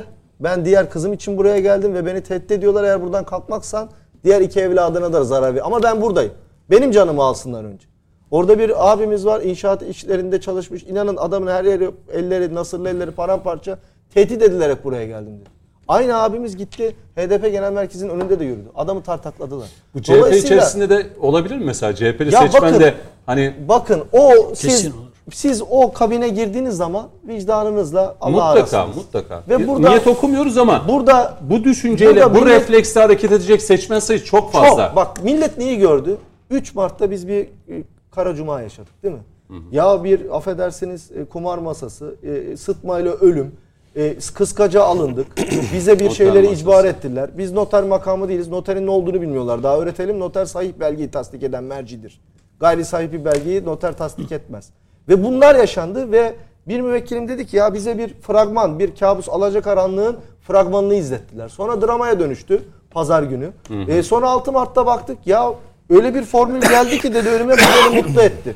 Formülü okuyalım. Gene 6 yaşında orta zekalı bir hukukçu gibi okuyorum ya gariban Mehmet abi. İstanbul ve Ankara Büyükşehir Belediye Başkanları. Kim kardeşim bunlar? Kim bunlar? 31 Mart 2024'te seçim oldu. Bayram abi seçildi, Coşkun abi seçildi, Sayın Vekilim seçildi, Ankara Büyükşehir Belediye Reisi oldu. Onu mu atayacaksın? İsmini yazsana. Sayın Cumhurbaşkanı'nın uygun gördüğü zamanda ve tanımlanmış görevlerle. Ne zaman? İstikbalde dahi. Bu mu? Yani dolayısıyla bu hukuki bir metin değil. Hiçbir hukukçu bunu savunamaz. O 11 maddelik Burada şeyi 12 söylüyor. maddelik, 12. Siyasi maddesi bir hukuken yok hükmünde. Ben 11 madde diyorum bilerek Eğer yani. eğer biri buna madde. eğer biri Yok buna bu hükmünde. hukuki bir metindir. Anayasa ve idare hukuku açısından karşılığı var diyorsa o hukuku bilmiyor. Dolayısıyla yine doğru bir tabir maskeli siyaset, mış gibi siyaset, milleti kandırma sila- siyaset. Peki şöyle Coşkun Bunu yapmayın. komutanıma dönmeden. Bitireyim, 30 Yok yok saniye. yok Buyurun. bitirme değil. Ee, birkaç dakika daha vereceğim. Şu e, Sayın Meral Akşener'in e, yeniden bir kriz çıkarabileceği süreci Ya yaşayınca. irade onda değil ki. İrade Sayın Akşener olsa baş göz üstüne. Masayı o mu kurdu? Masayı kurduran bir Ama irade, irade, var. diyorsunuz e, masayı Kriz tabandan Ya şu bak şimdi bi- sen bizi davet ettin Cüneyt Bey moderatörsün. Ya Çık- masaya söylemediğini bırakmadı. Ya bir- irade dediniz de Bak, o yüzden. Yani bak ama o anlatayım kriz ya. çıktıktan sonra başka bir irade mi devreye girdi? Bak sen de dinlemiyorsun Akşener gibi. Sen şimdi çıktın Saadet Partisi tırnak içinde milli görüşün kalesi. Milli görüşün kalesi nerede herkes biliyor. Kimse hikaye anlatmasın. Erbakan Hoca'nın kemiklerini sızlatıyorlar. Cennet mekan. Çıktı orada Temel Bey bir açıklama yaptı. Ya insanların yüzlerine gözlerine bakın. Biz hep duruşmalarda bunu söylüyoruz Mehmet abi. Sanığın gözüne bak. Yutkunur, kaçınır. Yalan söylediğini e, hissedersin. Onun için mahkeme heyet yuk- yukarıdadır. Bir bak hemen anlarsın. 3 saniyede. Peki o bakışa göre de mahkeme eti karar verir mi? E muhakkak. Çünkü Öyle mi? vicdanı ve delillerle karar Ha. veriyor. En önemli. Şimdi ne yaptı? Millet baktı. Ne dedi Sayın Akşe? Bak yüz şu. Ben çok şey anladım bak. Yüz şu. Işık vurdu dedi. Bana da vuruyor ışık. Bak öyle olmuyor. Ondan Değil, sonra orada vuran Bakalım. Ha, ondan sonra ne dedi Cüneyt Bey? Şunu söyledi ya. Çok yorgundum, uykusum. E ben de 72 saattir uykusum. Bak dipçik gibiyim burada. Orada ne yapman lazım? Sayın Kılıçdaroğlu'daymış. Destek veriyoruz. Daha dün biz sövdük ona. Kazanamaz dedik. Çıktık Habertürk'e Fatih Altaylı'ya telin ettik. Burak Kavuncu'yu çıkardık bir gün önce. Demediğimiz laf Söz kalmadı. dedi artık bir daha kriz çıkmayacak. Ama Üç defa bir söz de, verdi. Ama ne damarı varmış? Ülkücü damarı. Ülkücülüğü öğrensinler. Orada başka sözler de verildi. Şimdi çok güzel bir söz var. Kelimeler nişangahı bozuk silah gibidir. Doğru kullanmazsanız eğer döner dolaşır sizi vurur. Kendileri vuruldu. Millet bunu gördü. Tele1, KRT, Halk TV. Hain, alçak, siyaseten sattı. E, o yüzde beşe düştü. 24 saat sonra yaşasın Akşener masaya döndü. Ya bir insanın bir duruşu bakın bir istikameti olur ya. Bir elif misali durur insan. Bırakın insanlar sizin etrafınızda dönsün. Ama en ağır kelamlar ediyorsanız gene Mehmet abi top atayım orada. Bunun altında kalırsınız. Etmeyin. Peki. O nacizane tavsiye dedi. Biz de bir kardeşlik hukuku gereğince buradan e, çağrıda bulunalım. Yapmayın bunu. Artık nerede bu düğüm çözülür? Milletvekilleri esame listesi. Peki. Orada kriz kopacak. Ee, komutanıma yine döneceğim. Ee, bir 8-9 dakika vereyim. Sonra kendisini Zaten bana hep böyle 6, 8. 9 dakika Sayın Metin'e. Şaka diyorum. Meclis kürsüsünde 2 dakikayı Meclise girdikten sonra konuşuruz. Peki. Ee, sonra e, araya gideceğiz. Siz de zaten bir Korkarım başka ki yayına bu kadar galiba sana sahip uğrayacağız. çıkmamız ters teper ha. Yani iyilik mi yapıyoruz, kötülük mü bilmiyorum yani. Estağfurullah. Size Muharrem İnce'yi sorsam mı komutanım? Sor. Neyini soruyorsun? Yani Muharrem İnce'nin de aday olması özellikle muhalefet kanadında e, yani oyları bölmek üzere Muharrem İnce'yi yine hani hatırlayalım tırnak içinde o zaman saraya giden CHP'li diye bir dedikodu çıkmıştı. Muharrem İnce çıktı yalanladı yani hani neler neler söyledi hatta CHP genel Hatta onunla merkezine. ilgili dava konusu yapıldı. Dolayısıyla İnce'nin bu adaylığı hususunda konuşamadık bugün ama belki birkaç Şöyle cümle hani- ona bir Dedin ya ittifaklar mı kazanacak, liderler mi Evet. diye. Ee, Cem kardeşim ifade ettiği gibi biz lider esaslı bir toplumuz. Yani tarih hep bunu göstermiş. Lideri buldu mu doğru lideri e, yapmayacağımız çılgınlık, yapmayacağımız iş yok. E şimdi bunun en iyi siyasette yansımasını görürsün bu özelliğimizin. Mesela benim rahmetli dedem, rahmetli babam e, hiçbir zaman Demokrat Parti demezdi. Veya Cumhuriyet Halk Partisi demezdi. Demirel'e vereceğim, Ecevit'e vereceğim. İsmen anılırdı. Şimdi burada da Sayın Erdoğan, e, Cumhurbaşkanımız AK Parti ile birlikte anılan bir lider. Yani akla ilk gelen direkt e, kendisi. Ama mesela bunu şeyde pek göremiyorum Cumhuriyet Halk Partisi'nde. Yani Kılıçdaroğlu gelmiyor aklıya. Çünkü bir liderlik vasfını oturtturamadı oraya. Yani başsız bir CHP bana göre aylardır... mesela CHP iktidara taşıyan bir Karaoğlan efsanesi var değil mi? Bülent işte Ecevit Karaoğlan. diyebilirsin. E, ne güzel söyledin. Bir Karaoğlan efsanesi. E, Ki İs- İsmet Paşa'ya rağmen. Halk Partililerin benimsediği bir liderdi. Şu an öyle bir tablo yok. E şimdi burada hani liderler mi yarışı götürecek? Evet liderler götürecek. Ama e, Bayram Başkan'ın da ifade ettiği gibi burada bu seçim zaten enteresan olmasının bana göre e, en büyük özelliklerinden biri parti tabanlarının da kıyasaya yarışacağı bir süreç olacak. Ama hani burada e, son zamanlarda bir kampanya başladı ki İnce'yi de bu kampanyada bana göre kullanmaya çalışıyorlar. O da şu e, olduğundan yüksek göstererek sanki olmuş bitmiş Millet İttifakı bu seçimi kazanmış. Kılıçdaroğlu da o koltuğa oturmuş. Habertürk'ün şu an uyguladığı politika bu. Kimin akıl verdiğini izleyenler takdir etsin, dinleyenler takdir etsin. Habertürk'e bakarsan iş bitmiş zaten. Biz boşa konuşuyoruz. Seçime gitmeyelim. Ha direkt yani seçim onaylanmış, bitmiş. Biz Var mı? televizyonu izlemediğimiz için bak bundan haberdar Ben hepsinden e, kim ne oynuyor diye az önce dedim ya Mehmet abi. Hani takmış bazı İstihbaratçı gözüyle. Yeşil Sol Kaç zamandır televizyon izlemiyorum. Yeşil Sol'u en çok bugün reklamını yapan Halk TV. Hani Atatürkçü, ondan sonra Cumhuriyet değerlerine sahip çıkan Ulusalcı. ulusalcı kanal. Terör örgütüyle bir alınan bir yapının yeni alternatifini pazarlamanın derdinde. Şimdi e, karşı tarafa dikkat edersen ilk daha bu panik başladı. TV100 nasıl peki? TV100 nasıl? O iki tarafa da ortada geziyor gibi görüyorum Buyurun, benim tek tek şahsi okuşum şey bu. yapmayalım. Buyurun Şimdi Sayın. benim Onu kanallardan edeceğiz de o yüzden. Mehmet abi niyeti başka. Şimdi burada e, ben Millet İttifakı kanadında şunu çok iyi gözledim. E, hani kim olursan ol gel mantığını ilk andan daha Akşener masaya döndüğü andan itibaren uyguluyorlar. Akşener gitti, geri geldi. Bu işin ayrı bir kısmı. Hani böyle e, sinemaya meraklı bir milletiz. Film sahnesinde iki kişi kıyasıya öldüresiye dövüşür. Sahne bittiğinde zannedersin yok dün kin ve düşmanlık devam ediyor. Yok arkaya geçiyor. Hemen paralar, alışverişler herkes hesabını görüyor ve evine gidiyor. Öyle bir düşmanlık yok. Yedili Masa'nın e, lider HDP'nin realitesi tam masada belli olduğu zaman İyi Parti'de e, bazı bildiğimiz isimlerin istifası da ceplerindeymiş kesin. şu anda. Şimdi bakın şöyle ifade edeyim. Ee, sinemadan örnek verdik oradan yürüyeyim. Çocuktuk biz. Dediler ki üç boyutlu filmler geliyor. Nasıl bir şeymiş bu? Geldi. E, hadi girdik bir görelim diye. Girişte bize gözlükler dağıtıldı. Karton kağıttan. Bunu takarsan görürsün üç boyutu dediler. Girdik hakikaten takınca üç boyutu flu da olsa görüyoruz. Şimdi aslında masada tek gözlükle baktığın takdirde 6 kişi var. Ama üçüncü boyut gözlüğü taktığın takdirde bir orada bir sandalye ve oturan bir yapı var HDP. Bunu görmezsek bu masayı çözemeyiz biz. Yani ne diyorsunuz? Meral Hanım'a üç boyutlu gözlük mü taksın diyorsunuz? Meral Hanım onu e, başka yerlere anlatsın. İşte biz asla aynı masada olmayız. Ya yedili masanın bak lider bazında diyorum ama. Lider bazında 13 aydır o kadar badire atlatmışlığı var ki asla bozulmadılar. İşte filmin sahnesi gibi önde bir kavga var arkaya geçiyorlar. Güle oynaya pozlar veriliyor. Teşekkür ediliyor. Herkes evine dönüyor. Şimdi Orada Sayın Metinler'e ben reklama giderken bir kahve söyleyeceğim. Yorgun olur, olduğunu biliyorum. yol bir Türk yorgunuyum. kahvesi. Allah- Şimdiden yönetmenime de buradan kuvvet versin. Şimdi şöyle e, burada yedili masanın lider bazında ben bir çekişme, husumet olduğu asla kanaatinde değilim. Bir tiyatrodur gidiyor, o tiyatro halen devam ediyor. Ama hani beş benzemez diye adlandırdık ya en başta. Aslında o benzemezlik tabana geçerliydi.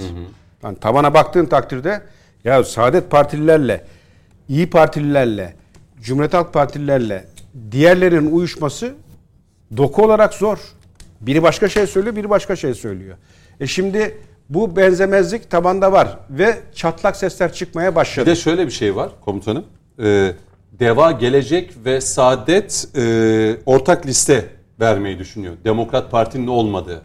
Yani orada da bir güvensizlik söz konusu. Belki de muhafazakar e, mütedeyyin kesimin e, oyunu alabilmek için böyle bir şey e, düşünüyorlar olsa gerek. Yani Demokrat Parti'nin olmadığı Gelecek, Deva ve Saadet Partisi'nin bir arada olacağı bir ortak liste. İşte zaten Ata İttifakı dahil hani e, birçok şey konuşuluyor ya şu an yeni yapılan. Sinan Oğan var, evet. işte ama bunların hepsinin e, kritik noktada bir araya geleceğini bilmekte fayda var.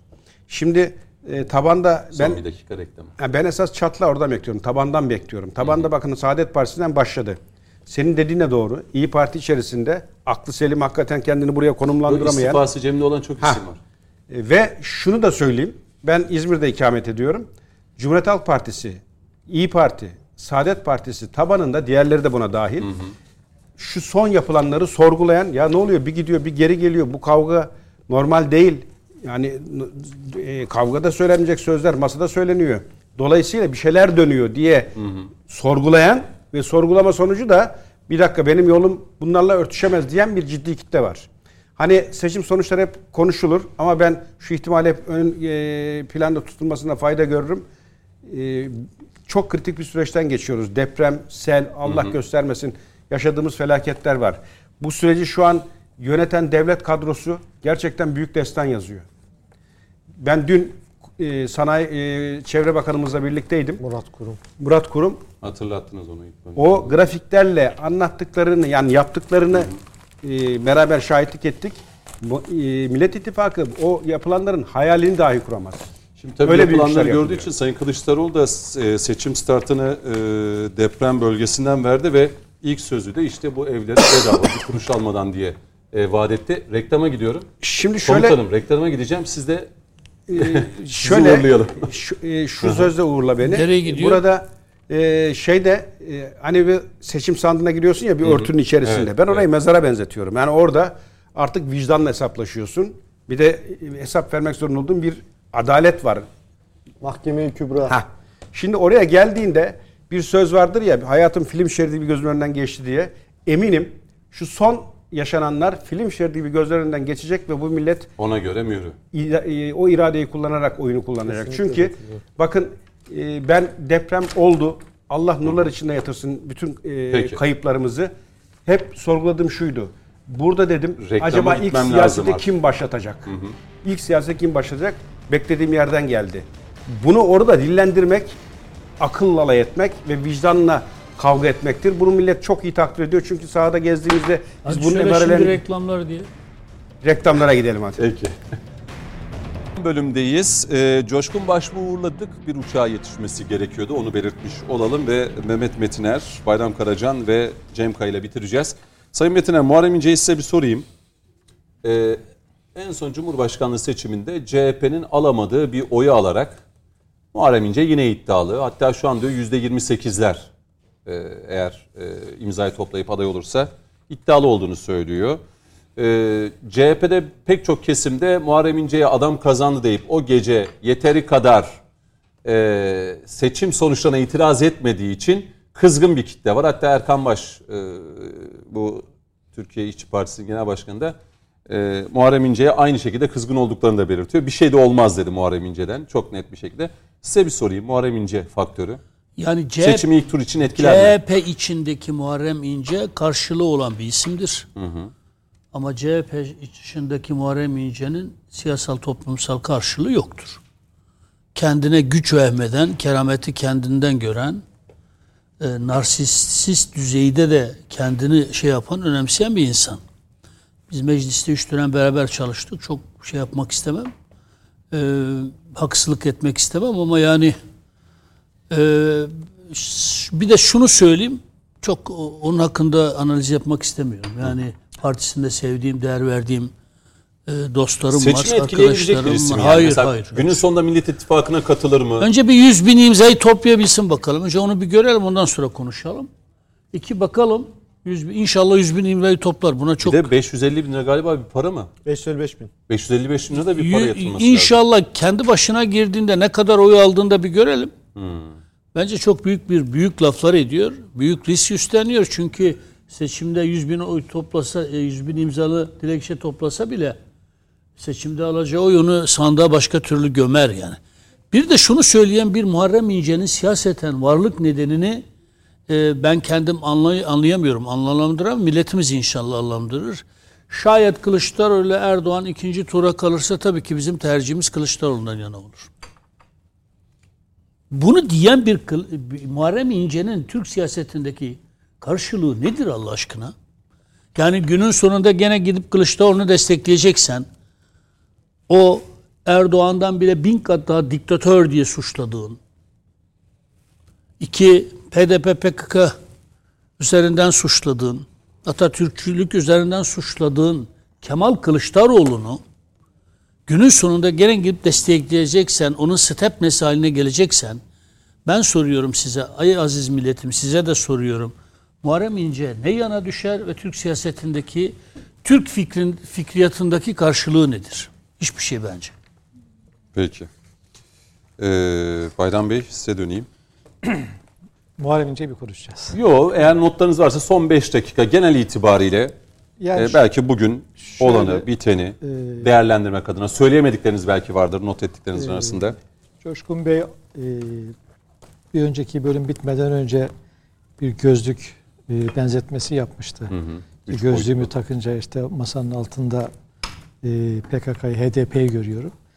E, biz orada sadece e, HDP, PKK'yı değil, işte MLKP'yi de e, görüyoruz, TİKKO'yu da görüyoruz. Doğru. Yani çünkü e, Sayın Akşener'in masadan kalkmasından sonra e, Kılıçdaroğlu, Sayın Kılıçdaroğlu hemen e, ilk iş olarak Sol ittifaklarının yanına Tabii gitti. direkt o, oralara gitti. Aslında o sol ziyaret Sol ettiği, görüştüğü o partilerin de arkasında da bu tür yapıların olduğunu hepimiz biliyoruz. Hmm.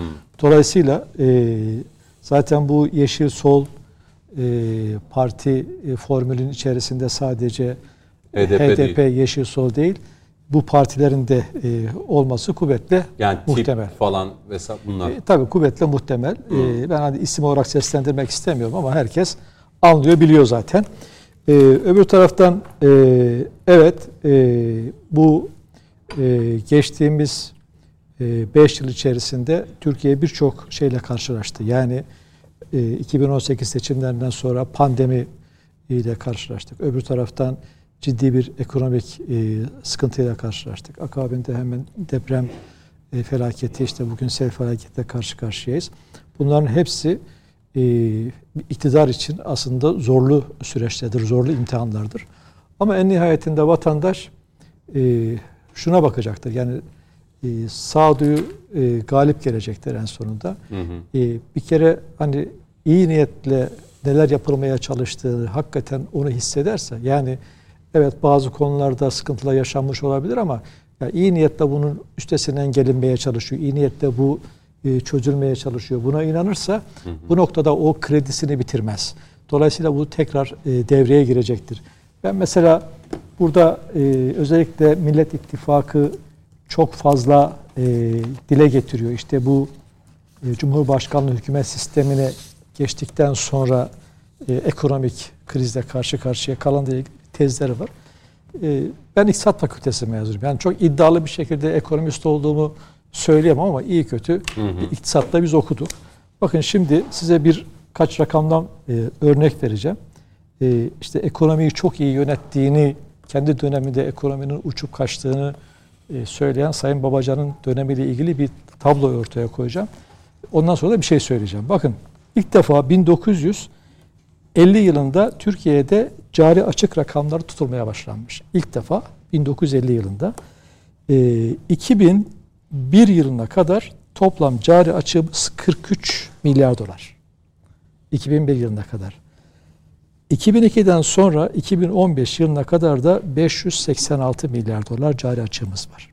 Babacan'ın evet, şey olduğu evet. ekonomik patronu. Ve o dönemde bizim ekonomimiz çok ciddi şekilde tahribat aldı. Yani öyle sanal bir refah yaşandı bu ülkede. Hı. Sıcak paranın çok e, e, içeride hüküm sürdüğü bir dönem oldu. Ayrıca e, değerli Türk lirası ve yüksek reel faiz sayesinde de ekonominin çarkları durdu. Yani İmalatçılar, Her şeyi ithal ettik. İmalatçılar imalat etmeyi, üretmeyi durdurdular. Doğru. Distribütör haline geldiler. Öbür taraftan ihracatımız zorlaştı. Dolayısıyla 586 milyar dolar. Bak rakamlar burada. Hı hı. 2015'ten itibaren ben zaten yani biz zaten AK Parti iktidarını 2015 öncesi ve sonrası diye ayırıyoruz işte açıkçası. Yani birçok konuda hem siyasi konularda hem ekonomik tercihler konusunda ayırıyoruz. 2015'ten sonra bu cari açık rakamlarında düzelme başlıyor. 2019 yılında 5 milyar 300 milyon dolar fazla veriyoruz. Yani 586 milyar hmm. dolarlardan fazla vermeye geliyoruz. Maalesef 2020 yılında pandemi, pandemi. E, ki etkiler 2021'de devam etti. 2022 yılında da Ukrayna-Rusya savaşı dolayısıyla enerji fiyatlarındaki aşırı yükselme dolayısıyla e, cari, açığımız gene devam etti. E, fakat Türkiye ekonomisinin kompanse edemeyeceği rakamlar değil bunlar. Hı hı. Buradan şunu söylemeye çalışıyorum. O arkadaşların iddia ettiği gibi işte e, Cumhurbaşkanlığı hükümet sistemine geçtik. O yüzden ondan sonra ekonomik kriz geldi. Hangi sistem olursa olsun bu ekonomik kriz gelmek zorundaydı. Hmm. Çünkü biz aşırı derecede borçlanmıştık. E, cari açığın verdiği tahribatı mutlaka bir şekilde bizim karşımıza çıkacaktı. Hmm. Yani bu dövizler, dövizin yükselmesi. Mesela burada hükümet çok kritik bir karar aldı. E, döviz ataklarının başladığı dönemde kur korumalı mevduat evet. sistemini devreye almakla yani aslında o süreç o şekilde yapılmasaydı hı hı. çok daha büyük bir fatura ile karşı karşıya kalacaktık. Dolayısıyla e, yani ekonomik performans olarak da arkadaşların çok iddialı oldukları hı hı. alanda da aslında başarısız olduğu, ülkeyi nereye getirdiğini anlatmaya çalışıyoruz. Son bölüme girdiğimiz için belki şöyle ekleme, hı hı. E, yani şimdi deprem felaketi yaşadığımız için aslında Türkiye'nin atılımları e, devam ediyor. Görmezden gelmeyelim. Mesela TCG Anadolu denize indi. Yani e, o konular aslında konuşamadık. Sonra TOG'un fiyatı belli yani, oldu 953 o, lira. O, Doğalgaz Mart ayı sonu itibariyle. TCG Anadolu'nun ne olduğunu da söyleyin. TCG Anadolu ilk Deniz uçak, Kuvvetleri Komutanlığımızın amiral gemisi. İlk uçak gemisi. Tabii ve amiral gemisi. Evet. E, Dolayısıyla hani bir işleyiş de var, yani devam da ediyor. Aslında son 5 yılda e, baktığımız zaman yani mesela Karabağ'daki e, işgalin sona erdirilmesi, e, Libya'daki işte bizim haklarımızın münhasır ekonomik bölgeyle korunması, Mavi Vatan'daki haklarımızın korunması, yukarıda doğalgaz işte e, çıkarılması ve hala sondajlar hem yukarıda hem aşağıda devam etmesi bunlar çok önemli açılımlar. Keşke bunları da vaktimiz olsaydı konuşabilseydik. E, ama en nihayetinde şöyle millet ne olup ne bittiğini bu ülkede görüyor. Sandık başına gittiği zaman e, sağduyu galip gelecektir. Burada benim e, gördüğüm en büyük e, şey yani özellikle gençlik noktasında daha e, önemli e, adımlar atılabilirdi. Çünkü aslında 2019'daki yerel seçimlerde de sonucu belirleyen büyük ölçüde gençler oldu. Şimdi Bu- şeye bakacağız. Adaylar arasında ne kadar genç e, Ee, yani e, nüfus olacak? o, o E, noktada da 6,5 milyon daha, genç geliyor. daha ciddi Yo, yo. adımlar atılabilirdi. Hayır, anladı. E, listelerinde o listelere koyacaksın ki genç? teveccüh Mesela etsin. kadın kontenjanı. Ama gençler sırf birileri genç olduğu Değil. için onlar. Tabii. Bu da yanlış. Ben partilerde Doğru. bu yanlışı kendi partim de dahil. Üç tane genç gösterelim. On tane kadın. Sembolik bu- de olsa. Yani böyle Aktif siyasete etmek neyse lazım. gir. Burada daha ziyade Siyaseti üç talakla gençlerin tekrar şey. beklentilerini ve nabzını tutacak daha etkin politikalar Ben üretilebilir. açıkçası tüm Evet. siyasi partilerde ya da işte yani şu anda Büyük Birlik Partisi ve e, AK Parti'de de siyaset yapmış iki isim olduğu için e, deneyim ve tecrübeyle gençliğin bir arada harmanlandığı bir e, siyasi yol izlenilmesinin Bunu yapan kazanır. evet ben de öyle düşünüyorum. Yani sırf kadın, sırf genç olsun diye, Yo, yo. sırf erkek olsun diye bakınız. Bu bazen partilerde yapılıyor. İlla bir tane bulun getirin diyor. Ya yok işte ne yapalım? İlla getir bir tane. Ondan sonra da liyakat yok, ehliyeti yok, siyaset bilmiyor. Kaş yapayım derken göz, çıkartıyor. Meclise geldiğinde de aynısını yapıyor. Böyle birçok milletvekili arkadaş görüldü. Burada Kendi bir şey partim için daha- söylemiyorum. Başka partilerde de e, yani ben tabii ki kadınların çok daha yani kadın yani onu tartışmıyorum. Gençlerimizin eyvallah da ama mesela yaşı indirdiğimizde şöyle düşünüyorduk. Biz yaşı indirirsek bütün gençler bizim partimize. Yok böyle bir şey. yani İsveç ya da Norveç ya da Finlandiya İki tane genç parlamentosu değil. milletvekili göstersek bütün gençler bize böyle verir. Yok böyle bir şey. Yani, Ya burada bir şey daha söyleyeyim. şey. Ee, Sayın Metin Erak e, teyiden e, özellikle mecliste e, meclisteki aritmeti konuşurken siyaset e, formasyonu ha, formasyonuna hakim olan insanların orada olması çok önemli. Tabii ki ya. Yani Onu şimdi yani deneyim popüler ve, popüler birisini deneyim, tecrübe. kamuoyunda tanınmış temsil. birisini getiriyorsunuz, koyuyorsunuz oraya. Adam siyaseti bilmiyor, Futbolcuyu dengeleri bilmiyor. Yani ne işte yapıyor? Ya futbol mu okuyamıyor olayı, önüne bir mikrofon uzatıyorsunuz, değerlendirme yapamıyor. Böyle olmaması gerekiyor. Anladım. Dolayısıyla siyaseti aslında siyasetçilerin yapması. Yani genel doğru. söyledik yani Evet, futbolcu derken Ha, ama işte geçmişte getirdik yani bu, futbolcu yani. bu şu demek değil. Adam popülerdir ama aynı zamanda siyaseti de ilgisi vardır. Bu nokta kabiliyeti vardır, takip ediyordur. O olmasın demek istemiyorum ama genel e, ağırlıklı tonun e, siyaset formasyonunda hakim insanlar tarafından ya ben bir şey bir şey söylemezsem çatlayacağım. Kusura bakmayın ya. Cem Kaya'ya birkaç Ya şey bir- dedim. Ben artık ekranları da boşalttığım için onun için Cem kardeşimin her zaman gitme imkanı var konuşma. Bir, Allah billah aşkına herkesten bütün parti, bizim Cumhur İttifakı'nın oluşturan partilerden, kendi tabanlarının dışında da millette karşılığı olan isimler ya. Söz geçirebilecekleri, hükmedebilecekleri, boyunduruk altına alabilecekleri isimlerle değil. Millette karşılığı olan. Doğru. Kürtse Kürtlerde karşılığı olan, sosyal da yani neyse yani toplumun farklı kesimlerinde. Mümkünse de toplumun bütün kesimlerinde. Kucaklıyor. İki, entelektüel birikimi olan, ağzı laf yapabilen, siyasi temsil kabiliyeti olan. Evet, çok önemli. Yani hükmedebileceği isimlerle siyaset yürütülmez. Zor bir döneme gidiyoruz. Doğru. Gerektiğinde 15 Temmuz'da olduğu gibi kavga edecek. Gerektiğinde uzlaştıracak, barıştıracak. Ama bugüne kadar hep şu yapıldı. Ahbap çavuş ilişkileri. Genel başkanın gözüne nasıl girersen beni bir yere taşır.